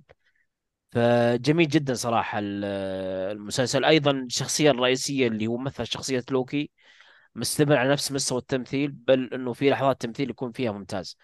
بالنسبة للشخصية الشريرة اللي هي شخصية كانج أو He Who Remains برضو أداءه كان ممتاز. يعني خصوصا إنه أحيانا يقدم أكثر من شخصية مختلفة إلا أنه صراحة كان جدا مبدع في في المسلسل هذا يعني قدم أداء ممتاز. فأنا أشوف صراحة اللي عجب الموسم الأول للوكي يشوف الموسم الثاني لأنه غالبا راح يعجب أكثر والنهاية راح تعجبه أكثر. فجميل صراحة لا يفوتكم. الموسم الثاني من لوكي طيب. أعطيه تقريبا خمسة من خمسة بصمة في التاريخ. طيب أنا الحين واحد الان شفت الأول. تعرف إن وضعية إيه. يعني أصبح العوالم مشتركة وال... العالم السينمائي صار أصبح آه، يعني استجما أكثر من إنه فائدة. هل أنا عشان أدخل وأفهم اللي يصير في الموسم الثاني يبي لي أخلص لي جدول آه، آه، ترم صيفي عشان أقدر أدخل؟ لازم أخلص لي شوف 16 فيلم أنا أول شيء 13 مسلسل. إيه. أنا لازم أسأل سؤال أنت شفت إلى Endgame صح؟ إيه لين Endgame. أنا أقول اللي شاف شفت الأول. إلى إذا شاف إلى ال- أعمال مارفل إلى نهاية Endgame وشاف آه، لوكي الموسم الأول بس عليه يشوف عمل واحد عشان يفهم الموسم الثاني لمسلسل لوكي. بس عمل واحد فقط. اللي هو؟ إذا إنك اللي هو فيلم Ant-Man الأخير. عشان تفهم الموسم الثاني لوكي لازم تشوف فيلم Ant-Man الأخير. انت ما نخبر آه، صالح يقول خايس الفيلم الأخير. لازم لأنه مربوط في والله إيه. الفيلم لأنه مربوط في Kang the Conqueror لازم تشوفه نعم عشان عشان تفهم نظرة على الفيلم هو تقريبا يعني ممكن ترى في إمكانية إنك تشوف الموسم الثاني بدون ما تشوف فيلم Ant-Man بس عشان تفهمه بشكل كامل وأفضل لازم تشوف فيلم Ant-Man للأسف يعني. ومع انه فيلم Ant-Man عالم مارفل السينمائي المفروض عالم مارفل السينمائي المفروض يخلونه مسلسل يا أخي. خلاص ادخل مواسم وتبدأ بالترتيب الرقم الترق- مرقم وتريح راسك. طيب هم يبدأ خلوه 20 مسلسل كان أفضل. 30 هم أصلا بال comic مخربطين يعني. ال comic هذا قبل هذا وهذا انتج وحوسه لا بس خبر إنه في ال comic يعني عندهم arc معين يعني يجيك مثلا Secret War تلقى الشخصيات كلها تلقاها داخلة بسيكرت وور وانت قصتها من فوق. تبدأ قدام كقصة تمشي يعني المهم صراحة للاسف إيه. المهم إنه آه، شو اسمه هذا آه، حركتهم هذه زبالة زيهم لا لا هي صراحة فيها حوسة لازم تشوف كل شيء يعني لازم تكون متابع أول بأول هذه المشكلة شوف أنا أول كنت متابع أول بأول. يعني كانت عندهم أعمال خايسة بس تنشاف طبعا أنا فيها أعمال في أعمال كانت مرة خايسة أنا الصراحة ما شفتها. على سبيل المثال ده إيش الحصر اسمه إيش اسمه ال- اللي كان مع Daredevil الخال؟ Luke Luke Cage. Luke. والله كنت بقول Luke Cage خفت إني جا جا بعيد. زي Luke Cage هذا ما شفته. وفيها البقرة اللي معاه هذيك شو اسمها؟ جيسيكا جونز؟ هذه كمان بعد سحبت عليها. بس آه. هذه ترى يعني مين الوحيد مرتبطة بالعالم السينمائي تقريبا. لا بس. هذه عالم ثاني حق آه، نتفلكس إيه بس أنا بس أنا والفكرة ما هو اللي أنا أبغى أوصله إنه يعني أنا إيه تابعت كل أعمال عرفت؟ لكن في أعمال خايسة هذه مستحيل أتابعها. صح Luke Cage كان يعني زي أنا يعني يعني زي شفت الموسم الأول بس. يعني على س... على سبيل المثال يعني مثلا زي The Marvel هذا لو تعطي وزني ذهب ما أروح أشوف الحين قاعد يعرض في السينما The Marvels إي. أنا مستحيل أشوفه أنا The Marvel ف سيء والله. أغلب فهم اللي شافوه ما يمدحونه. آه، هم يعني شو اسمه اللهم صل محمد آه، حركتهم حلوة لكن الأعمال بعد Endgame إلى الآن زي الخرا. زبد. وأكبر مشكلة عندهم شوف من بعد ما طلعوا Disney Plus طاحت ال quality صح. أنت مضطر تسوي خدمة آه، بث تدفقي وبعدين لازم تبليها أعمال. طب أنا إيش اللي عندي الناس يبونه؟ والله الناس يبون آه، جايز لهم Avengers يلا روح. مارفل احرق كل شيء طلع كل. طيب ما ما, ما في اختلاف يا أخي. تبي تطلع مسلسلات المارفل زي ما في comic قصص فردية الاشخاص اللي هو ال streaming. مثل آه، في قصص آه، فر- آه، فردية الاشخاص في ال comic سوي قصص فردية. يا أخي عطني مسلسل ما يحتاج إنك أنت تعرف تفهم مثلا. كل شيء. إيه صح. خلاص هذه قصة الفلانية للشخص أعمال مستقلة إيه. والله يعني زي آه، فكرتك حلوة يعني أنت عاطيني شخصية. إذا شفت الجمهور حبها أيوه ممكن هنا أنت دخلها بل. لكن إذا شفتها خايسه يصير تسحب عليها وما حد داري. وسوي نفسك مجنون. وما يعني الشيء اللي كان مميز ب Daredevil يوم طلع إنه خلاص بس نبدأ قصة Daredevil نفسه وبالأعداء اللي عنده ونبدأ شوي شوي حبة حبة. ولما كان طلع مثلا رهيب حاولوا يكبرون الموضوع. لما بدأوا يكبرون الموضوع خرب الموضوع. مو لازم. إيه، كبروا اللقمة. صح. تجيب مشروع أنت أنت هدفك الرئيسي إنك أنت تجيب مشتركين تحط محتوى. فأنت يعني وضعهم أصلا مخربط. حقين لوكس آرت مخربط وضعهم حقين مدري مين مخربط وضعهم. يعني ما فيه يعني ما, ما في أحد موجود فيهم رجل آه، يعني والله شوف، رأي يمسكهم صح. هم آه إذا بدأوا يتركون حركات الأجندة حقتهم والخبال حقهم هذا هنا ممكن تزبط.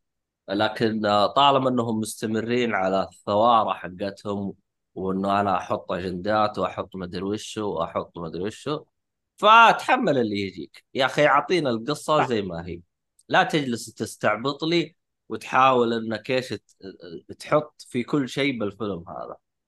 في النهاية هي لقمة. والله كبرت اللقمة بتجيب العيد صغرت اللقمة ما حد راح ينبسط. لازم توزنها. تبى تحط الخنبقة حقتك هذه ما حد راح يستفيد. لكن إيش تبغى تسوي؟ المهم أحيانا أحيانا الخنبقة تكون مقتبسة من العمل الاصلي يعني مثلا والعمل الأصلي ما فيه خنبقة نهائيا يعني العمل الأصلي نظيف. يجون هم يقتبسون العمل يحطون الخنبقة حقته مثل آه، في أفلام Fear Street تكلمنا عنها قبل. الرواية ما فيها شذوذ نهائيا يعني ما فيها أي خرابيط هذه. يجي يحط لي فيلم يحط لي فيها شذوذ. يعني أنا أعمل لك إيه يعني. أنت مقتبس من شيء اقتبس منه صح يا أخي. لا تقتبس آه، تحط خرابيطك. هم هم باختصار أعتقد- آه، بيسوون زي الشيك ليست حقت الكويتيين. الكويتي إذا إيه، لك يسوي. بيسوي مسلسل عنده شيك ليست يتكلم من يتكلم تكلم مع نفسه. الموضوع. منو جاينا هالحزه زي كذا. بالضبط. أحسن هذا من والله للأسف. في هذا الموضوع هم حقين South Park جابوا فيها حلقة حقين Lucas واظن بسبتهم في إشاعة إنه في line تغير في فيلم The Marvel يعني غيروه بسبة ال- الطقطقة اللي سووها حقين South Park في الحلقة ال special حقتهم. أقدر أتابعها بدون ما أعرف ال- إيه. بدون ما أتابع شيء لا لا عادي حلقة special على جنب يعني عندك ست character تتكلم لك أساسا هي موجهة على شو اسمه حقت Lucas شو اسمها؟ حق شو اسمها اللي ماسكه Lucas Lucas ما أعرف. اللي ماسكه أفلام سلسله Star Wars ما أعرف كينيدي. طقين فيها بالاسم طيب ما تجيهم شكوى عليها ولا لأنه العمل كوميدي لا. فعادي؟ انه أنت أنت أنت عمل يعني يتكلم هو بشيء مشهور عنه إنه parody وقاعد يطقطق مثلا على المسلسلات وكذا فيعتبر تحت ال fair use يعني. آه okay. آه عموما سامي يقول South Park اللي هو قطعه 13 هذه النسخه الكويتية 13 بس كانت فنانة الصراحة يعني. إيه قطعه 13 المهم آه، أعطينا آخر عمل وخلينا نقفل. أعتقد عند آه، مجيد. آخر يمكن رجعت طبعا. يلا يلا. آه، رجعت أشوف آه، أنمي اللي هو كايجي. مر عليكم. آه، الاسم عذاري مو تقول خ... بغريب علي عذاري تقول كايجي خلفية ليميتد البث آه Alan Wake ما غيرتها عجز مني. كمل. اي هو كا... هو كايجي Ultimate Survivor طبعا. هذا أنمي تقريبا يعني 2008 2007 يعني رجعت أسوي له rewatching تشوفه من جديد. آه، المسلسل الأنمي يتكلم لك عن واحد آه، كيف الشخص. طبعا هو آه، على دين. جاء له طلاب الدين أظن تعامل مع ياكوزا ولا عصابة وتعامل معاهم وقالوا له شوف اللي أنت كفلته بال interest rate هذا ما دفع لنا. وانت عاد وانت وانت اللي كافله. فعاد شوف لنا ذا. منا منا منا منا قالوا له يا أبو الشباب تعال إحنا بنوديك سفينة. السفينة هذه فيها يعني فيها لعب يعني قمار معين. وإذا أنت جبت ونج... وطلعت يعني آه، من السفينة هذه ينس- ينخس ينخسف دينك وممكن تطلع لك بقرشين. فمنا منا منا الرجال اقتنع وراح السفينة. تصير له مواقف طبعا فيه آه، ألعاب معينة مثلا زي يصير عليها قمار معين بمبلغ وهم اخذوا عليه نسبة فائدة وكذا وتشوف كيف تط... يعني ال...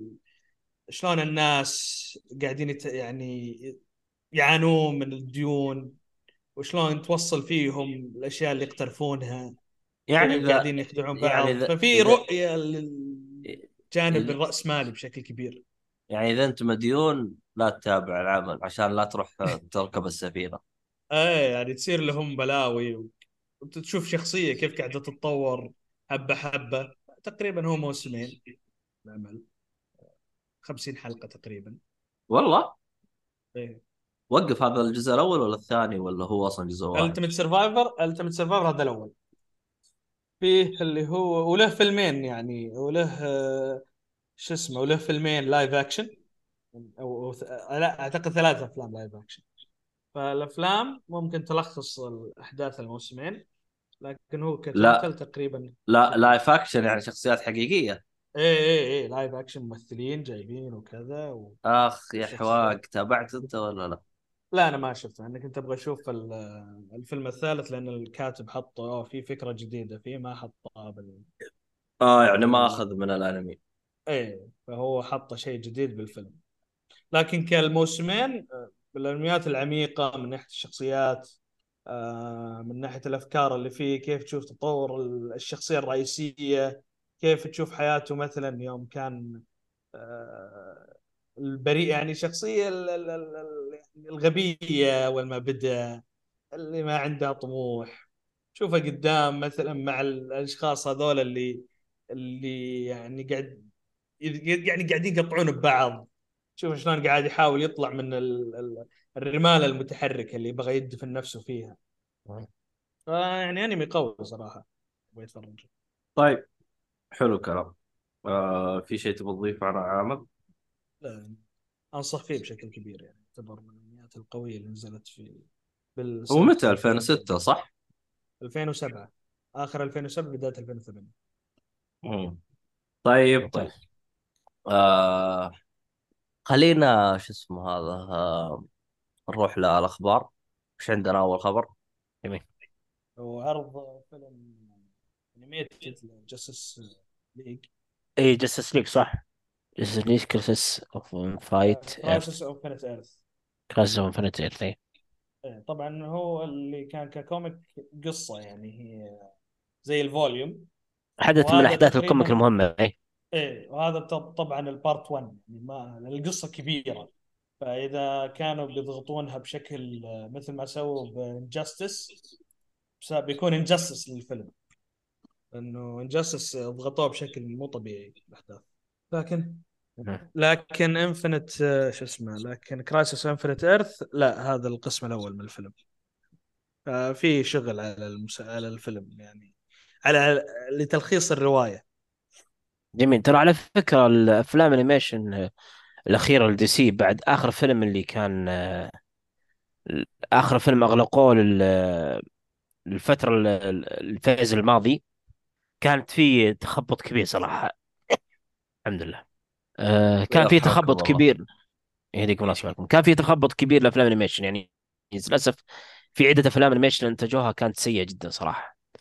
ما تخرج ممتاز إلا اثنين ثلاثة. فإن شاء الله الحدث هذا بحسب كلام الكثير إنه راح يرجع قوة ال animation أفلام ال animation الفترة الأخيرة. يعني راح تكون عودة قوية للعالم ال animation بشكل كبير. إن شاء الله نقول إن شاء الله. حقت إيش؟ مارفل؟ DC DC animated DC DC. DC animated studio DC DC زبالين هم المهم الخبر اللي بعده. والله ك... اي روح علي, علي بدري يقول يمكن يصير ثلاث بارتات. إيه لا القصة ترى القصة كبيرة يعني.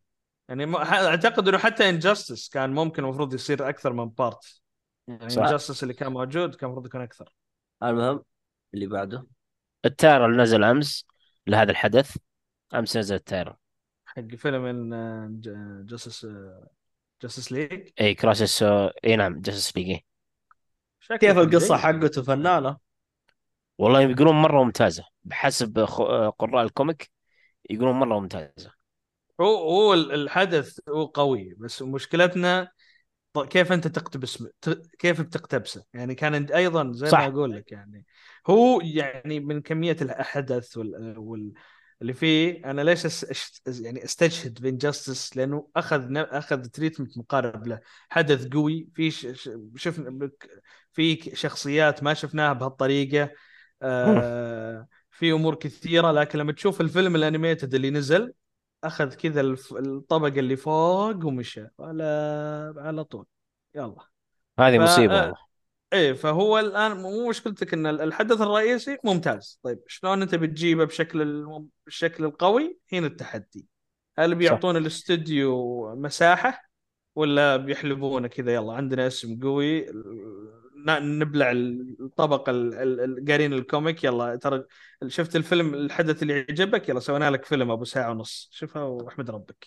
لا لا إن شاء الله يكون ممتاز. إحنا نقول إن شاء الله إنه يكون ممتاز إن شاء الله. إن شاء الله. المهم آه في حاجة في رسالة آه من أنثوني هوبكن كتبها ل آه الظاهر اسمه كرانستون. بالكرانستون أيوه هو قديمة هذه. اي بس أنا. اللي استغربت منه طبعا الكرانستون هذا اللي هو آه، مؤدي شخصية والتر وايت في Breaking Bad صحيح اللي استغربت منه يقول إنه تو شاف ال آه، شو اسمه Breaking Bad استغربت توقعته شافه ترى على. فكرة ترى على فكرة هذا الرسالة أيام عر- عرض الموسم الخامس Breaking Bad يوم انتهى من عرض الموسم الخامس فالرسالة هذه من أيام انتهاء عرض الموسم الخامس. يعني تو شايف المسلسل من أيام انتهاء عرض الموسم الخامس اللي هو أنت- أنتوني هابكنز. آه الصالحي طلع يجيب أخبار خايسة. أوكي. يجيب أشياء قديمة قايل لك إيه. إيه. الخبر القديم هذا قد تداول كثير في الجروبات يعني شفته أكثر مرة في group الواتساب. آه بس طيب. جيد رسالة ممتازة يعني. اي طيب. صرنا آه. أخبارنا group واتساب. يا الله. المهم group واتساب سينما ترى. جروبات سينما يعني. استظل هذا جروب هذه استقبل خلاص. طيب نقول جروب تليجرام. يلا. أسامة يقول الصالحي كتب أيوه الخبر هذا الصالحي كتبه فالصالحي زبال الصالحي لا يباد أحسن منه. يا أخي هو هو تلقاه بيعبي هو عارف؟ شاف ما فيها يلا جبنا خبر قديم تكلمنا عنه. لا في أخبار واجد يا أخي حرام عليك يلا. في أخبار كثيرة. يلا. اللي بعده. آه كريستوفر نولان يقول الفيلم الجاي حقه أقل سوداوية من اوبنهايمر مم.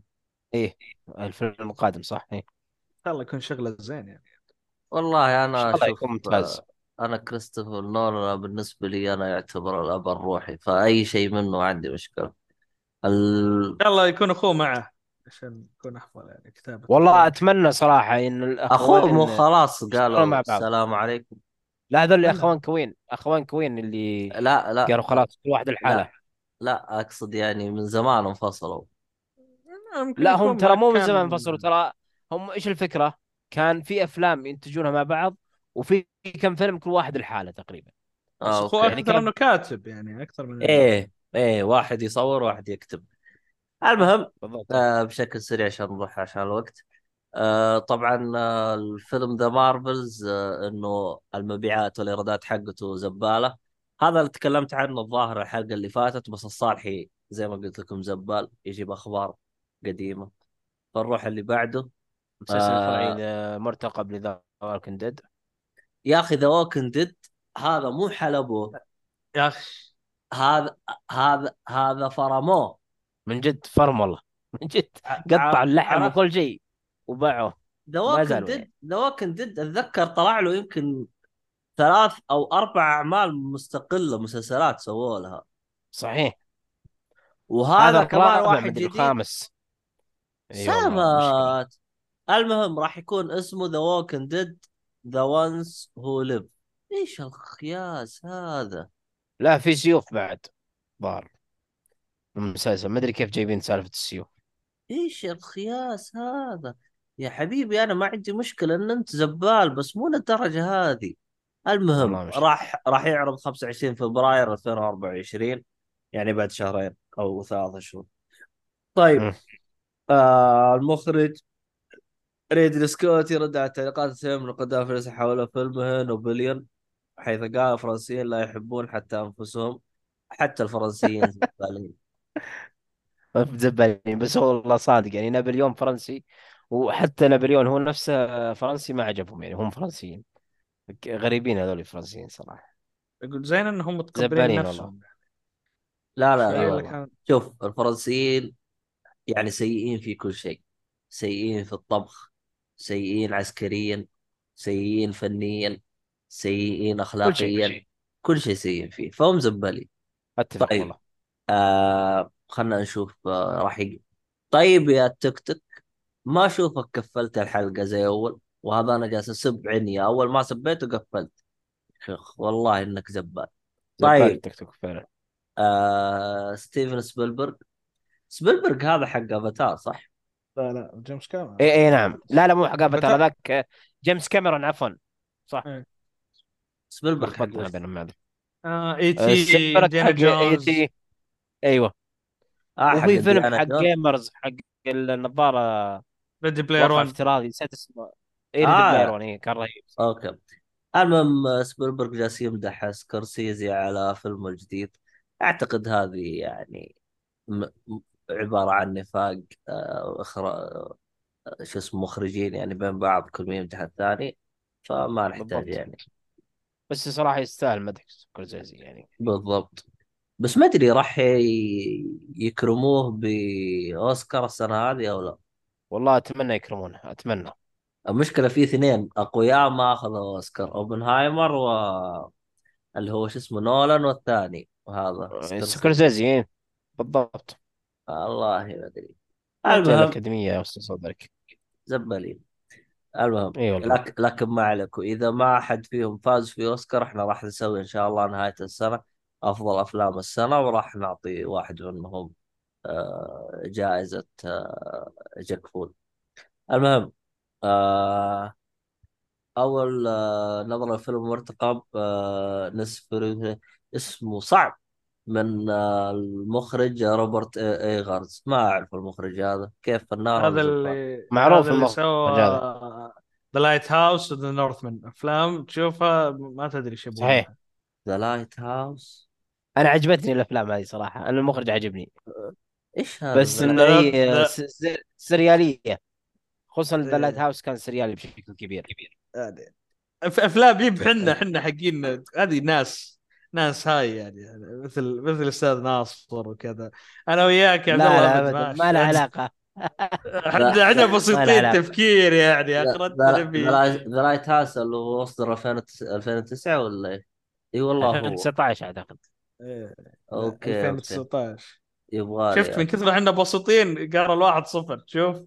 إيش نوصل زيك أستاذ ناصر يعني أنت ما شاء الله لا لا لا. تمدحني الشيء ما يبغى لك لي. فاهم ولا شيء. أنا بالعكس بسيط زيكم يا أخي.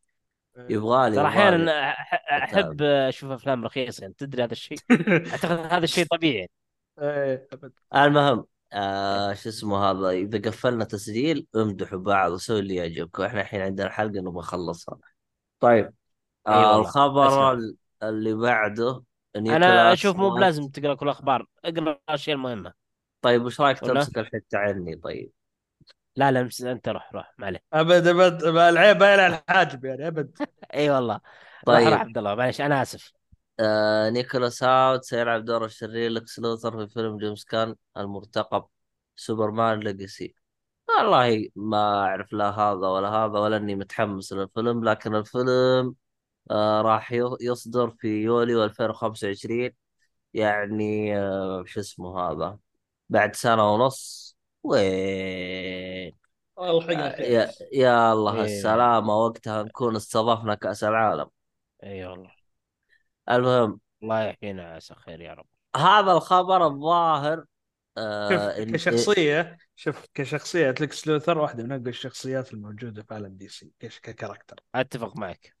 انت اعتقد انهم جابوا شو اسمه حق هاوس لكس لوثر لكس لوثر قد طلع في أفلام سوبرمان. إيه إيه، هو إيه. العدو.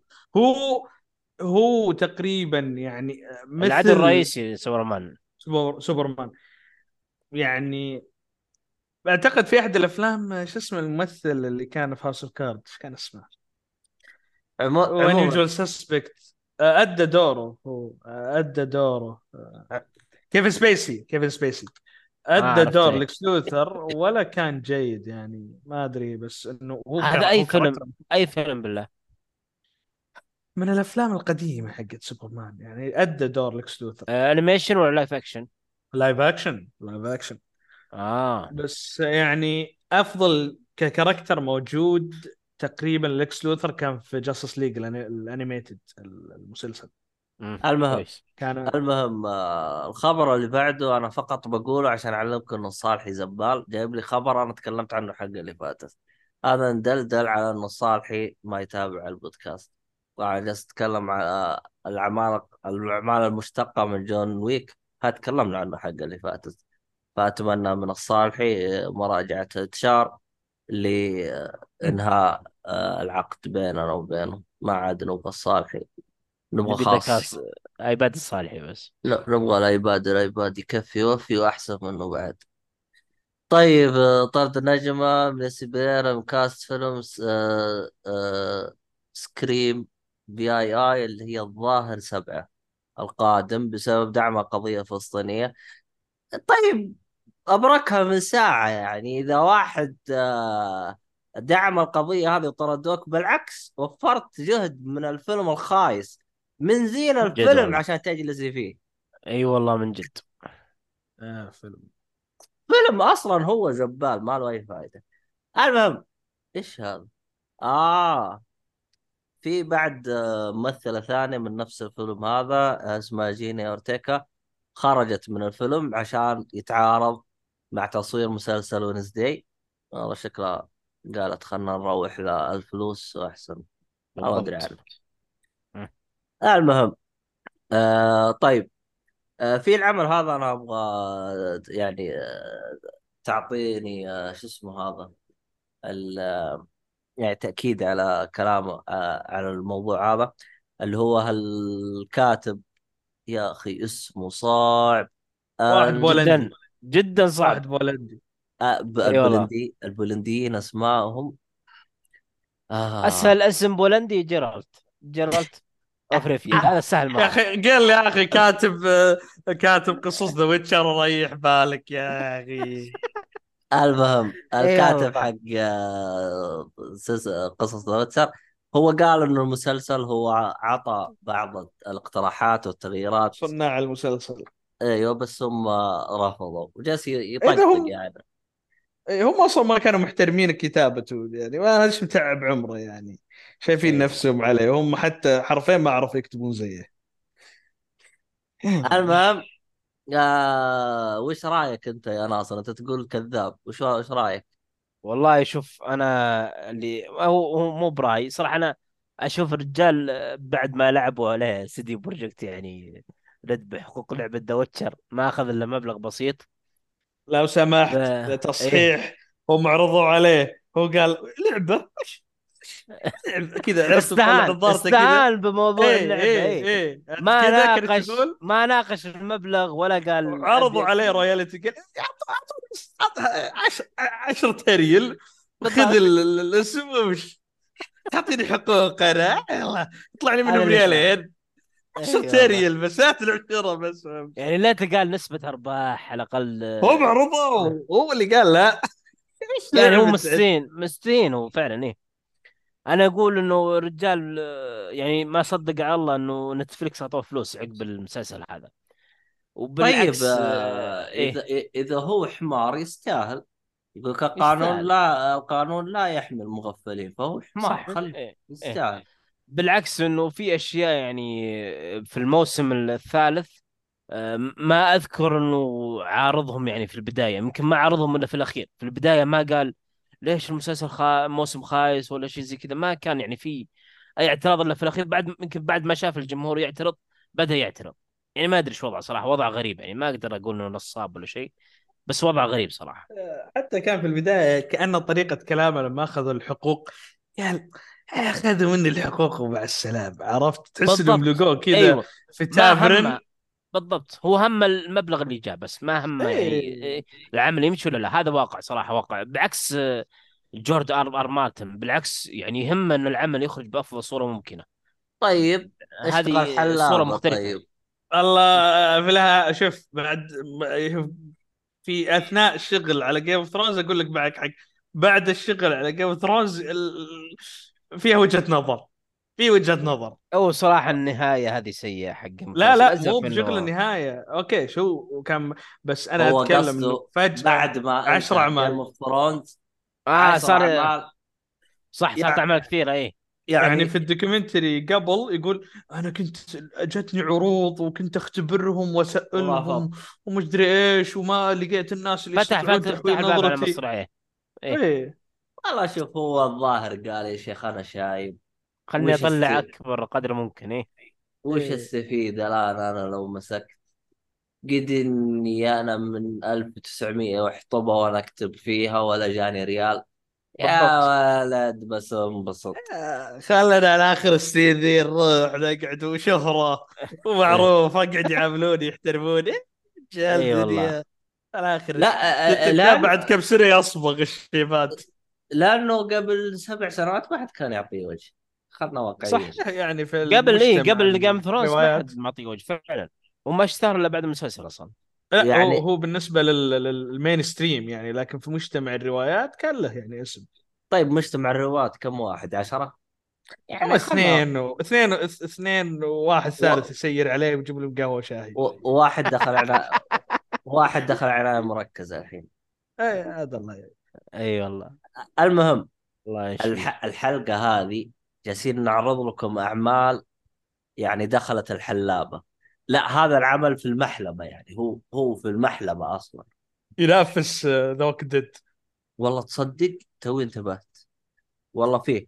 المهم ماني. هايست أو لا كاسا دي بابل آه قرروا يسوون آه شو اسمه هذا فيلم مشتق باسم برلين. طبعا الفيلم هذا يقول لك تدور أحداثه قبل مسلسل لا دي بابل الله يا الحبكه الله الله يا القصة اللي اهتميت اي لها مجرد حلب والله. المهم والله بيط... يعرض قريب والله 29 ديسمبر نهاية السنة. باقي شهر أوه. تقريبا. يب. المهم هنا عندك محلبة ثانية. والله الحلقة هذه شغل محلبة يمين من جد؟ يسار. إي والله. كلها حلب. الظاهر سعر الحليب راح ينزل. من كثر الحلب. المهم آه فيه آه خبر ال... مو خبر خلينا نقول تصريح من ممثل مارك هامل. طبعا مارك هامل هو الأب الروحي ل آه، آه، شخصية آه، جوكر في ال animation. في ال animation هو هو والألعاب أيضا. آه هو هو هو و آه اللي هو كيفن كيرني الاثنين هذين هم أكثر شخصيتين أدوا آه طبعا كيفن كيرني كباتمان ومارك هامل كالجوكر. أكثر شخصيتين أدوا أدوا الدور هذا للشخصيتين هذين آه طبعا مارك هامل الآن قال إيش؟ آه راح يوقف يلعب طبعا الجوكر. تصريح قديم تصريح كان أول ما مات مارك كامل صرح بذا الشيء. قال أنا ما دام ان مارك ما دام ان ما دام إن كيفن طلع أنا خلاص ما أصلا أبغى أشتغل في الشخصية إلا إذا شفت كيفن قدامي غيره ماني شغال. يوم مات كيفن كان يطلع الخبر صح؟ إيه، و- و- والمعلومية هو ما يؤدي دور الجوكر إلا واقف. يعني يمسك الورقة وهو واقف قدام المايك ويتكلم. كلهم تلقاهم على مقعد ومريحين هو الوحيد اللي يسجل آه. وهو واقف في الشخصية. آه طيب بس كان مبدع صراحة كان مبدع بشكل كبير جدا. ت- تصحيح للي قاله مجيد بعد ما مات كيفن كيرني وليس مات ماركم ماركم باقي عايش. إيه كم بس عايش. كيف كان اللي مات إيه. أوكي. طيب أعطينا آخر خبر خلينا نقفل. في فيلم ل... فيلم live action لناروتو. والله الحلقة هذه يا. حلقه حلقة محلى. والله حلب من جد. أيوه. شكله متحمس يعني- وقال آه آه أكيد أكيد طبعاً. نتفلكس اللي ماسك ماسك الموضوع لا؟ كلام لكن ال- اللي ماسكه ال project كتابة هي كاتبة ال animated مسلسل آه شو اسمه توم برايدر واللي بيشتغلون على الفيلم اللي هم الشركة آه، إيش كان اسمها؟ Lion Lion Lionsgate Studios هم اللي بيشتغلون على الفيلم يعني طبعا هذا الخ- الخ- الخبر حق فيلم ناروتو ال- الواقعي. آه والله شوف الكاتب حق ناروتو هذا. أستاذ أستاذ في الحلب الرجال انهى القصة من كذا طلع لك مانجا من هنا. direct دا بس آه، ما ما عاد ما- انتظر يعني ما انتظر يعني. لا بس كأن بوروتو مو هو اللي ماسكها حسب معرفتي. انه مو هو اللي ماسك القصة. أما إيه. زي آه، زي دراغون بول آه، سوبر آه، مو أكيرا تورياما اللي ماسك القصة. يا ابن الناس ثواني. آه أصلا كيشيموتو حاول يطلع كم مانجا ثانية يعني حتى لو ترجع. بيقول لك حاطين له right بس اللي معرفت إنه كيشيموتو ما له دخل في بوروتو آه طيب. أنا عذاري جت في جاكو وما انتبهت لتعليقاتها. آه تقول ذكرتوني ب group واتساب حذفته في العطلة حق المدرسة. لا حول ولا قوة إلا بالله. آه. صالحي في الأرشيف شكله راح يك... يك... يك... آه... تقول تقول نزلوا راتبه خلوه يحضر البث. لا حول ولا قوة إلا بالله. آه... ننهيها على على الطقطقة. الله الصالحين. ما تسوى عليك. والله. ما يرحم. الله يستاهل الصالحين. المهم اصبر خلينا. يا بالله سوي لنا بحث سريع تأكد لي بوروتو. يا أخي أتذكر إنه نفس الكاتب. شوف لي بوروتو نفس طيب، الكاتب. خليني- لأني أتذكر إنه أصلا كيشيموتو حاول يطلع كم مانجا ما مشت. والله؟ إيه ساموراي 7 وأطلع one shot حاول منه ما فهو خلص المانجا. أيضا حتى شو اسمه؟ ساموراي آه. 7 ما هو صار هو اللي مسويه.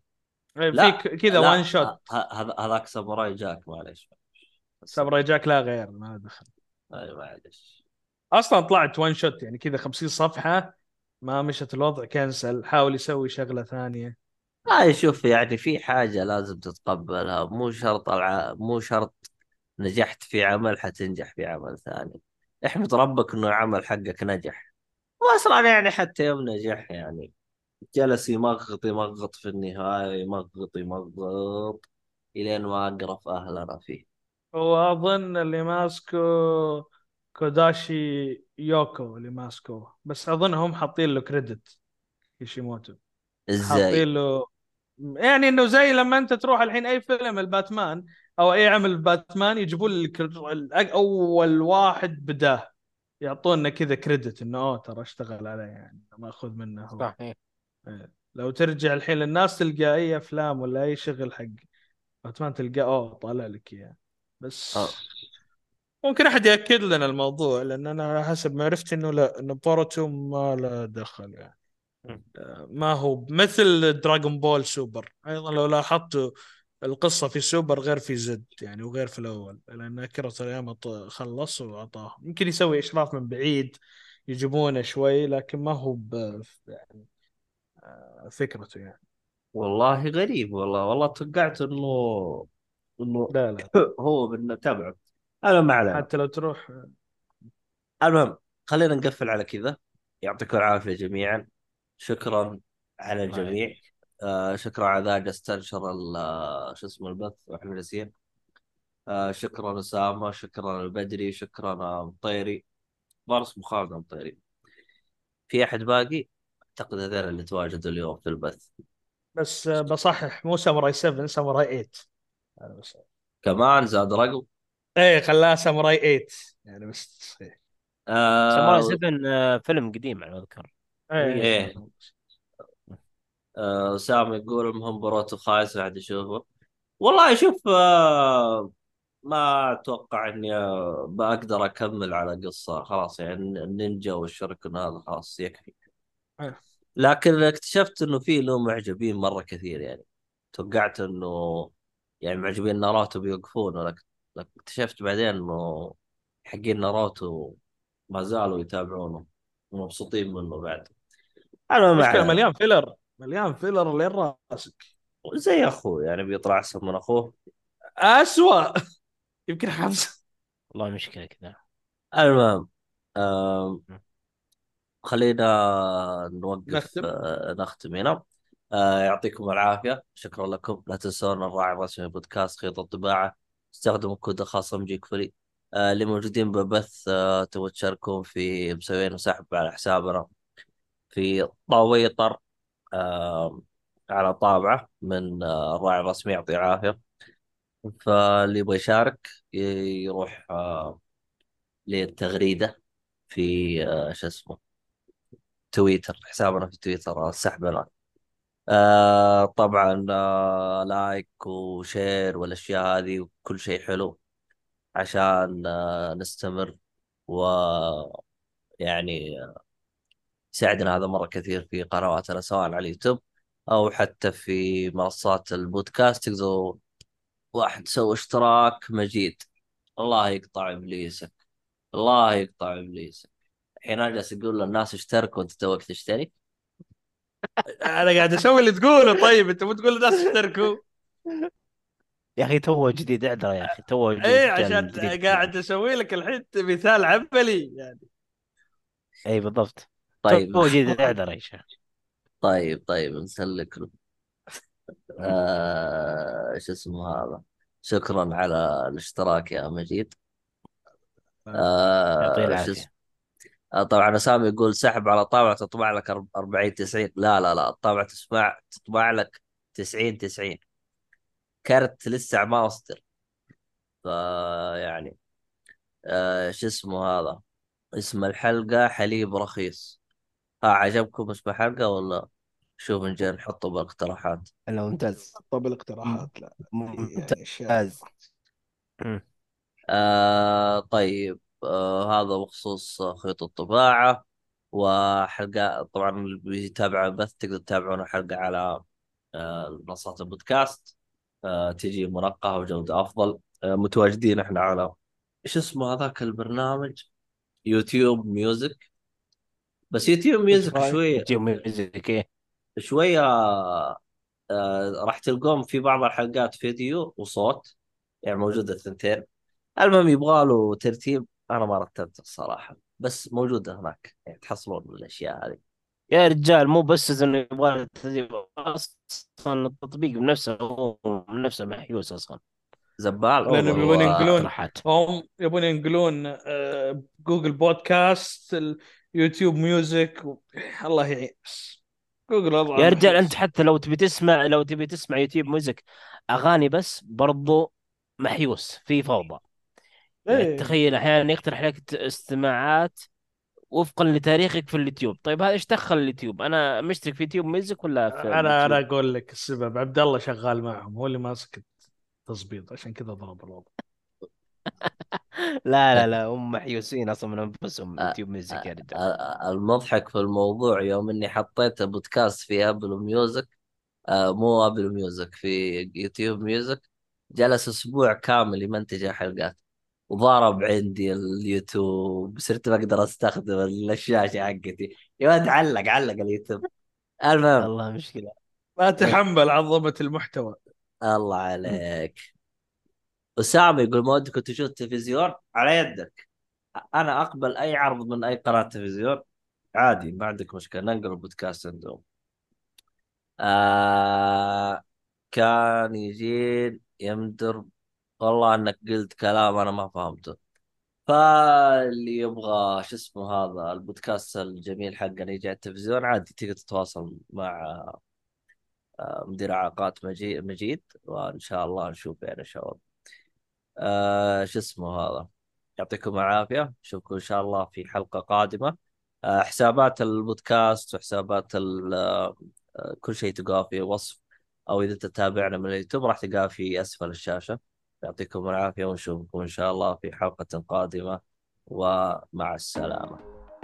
مع السلامة. مع السلامة.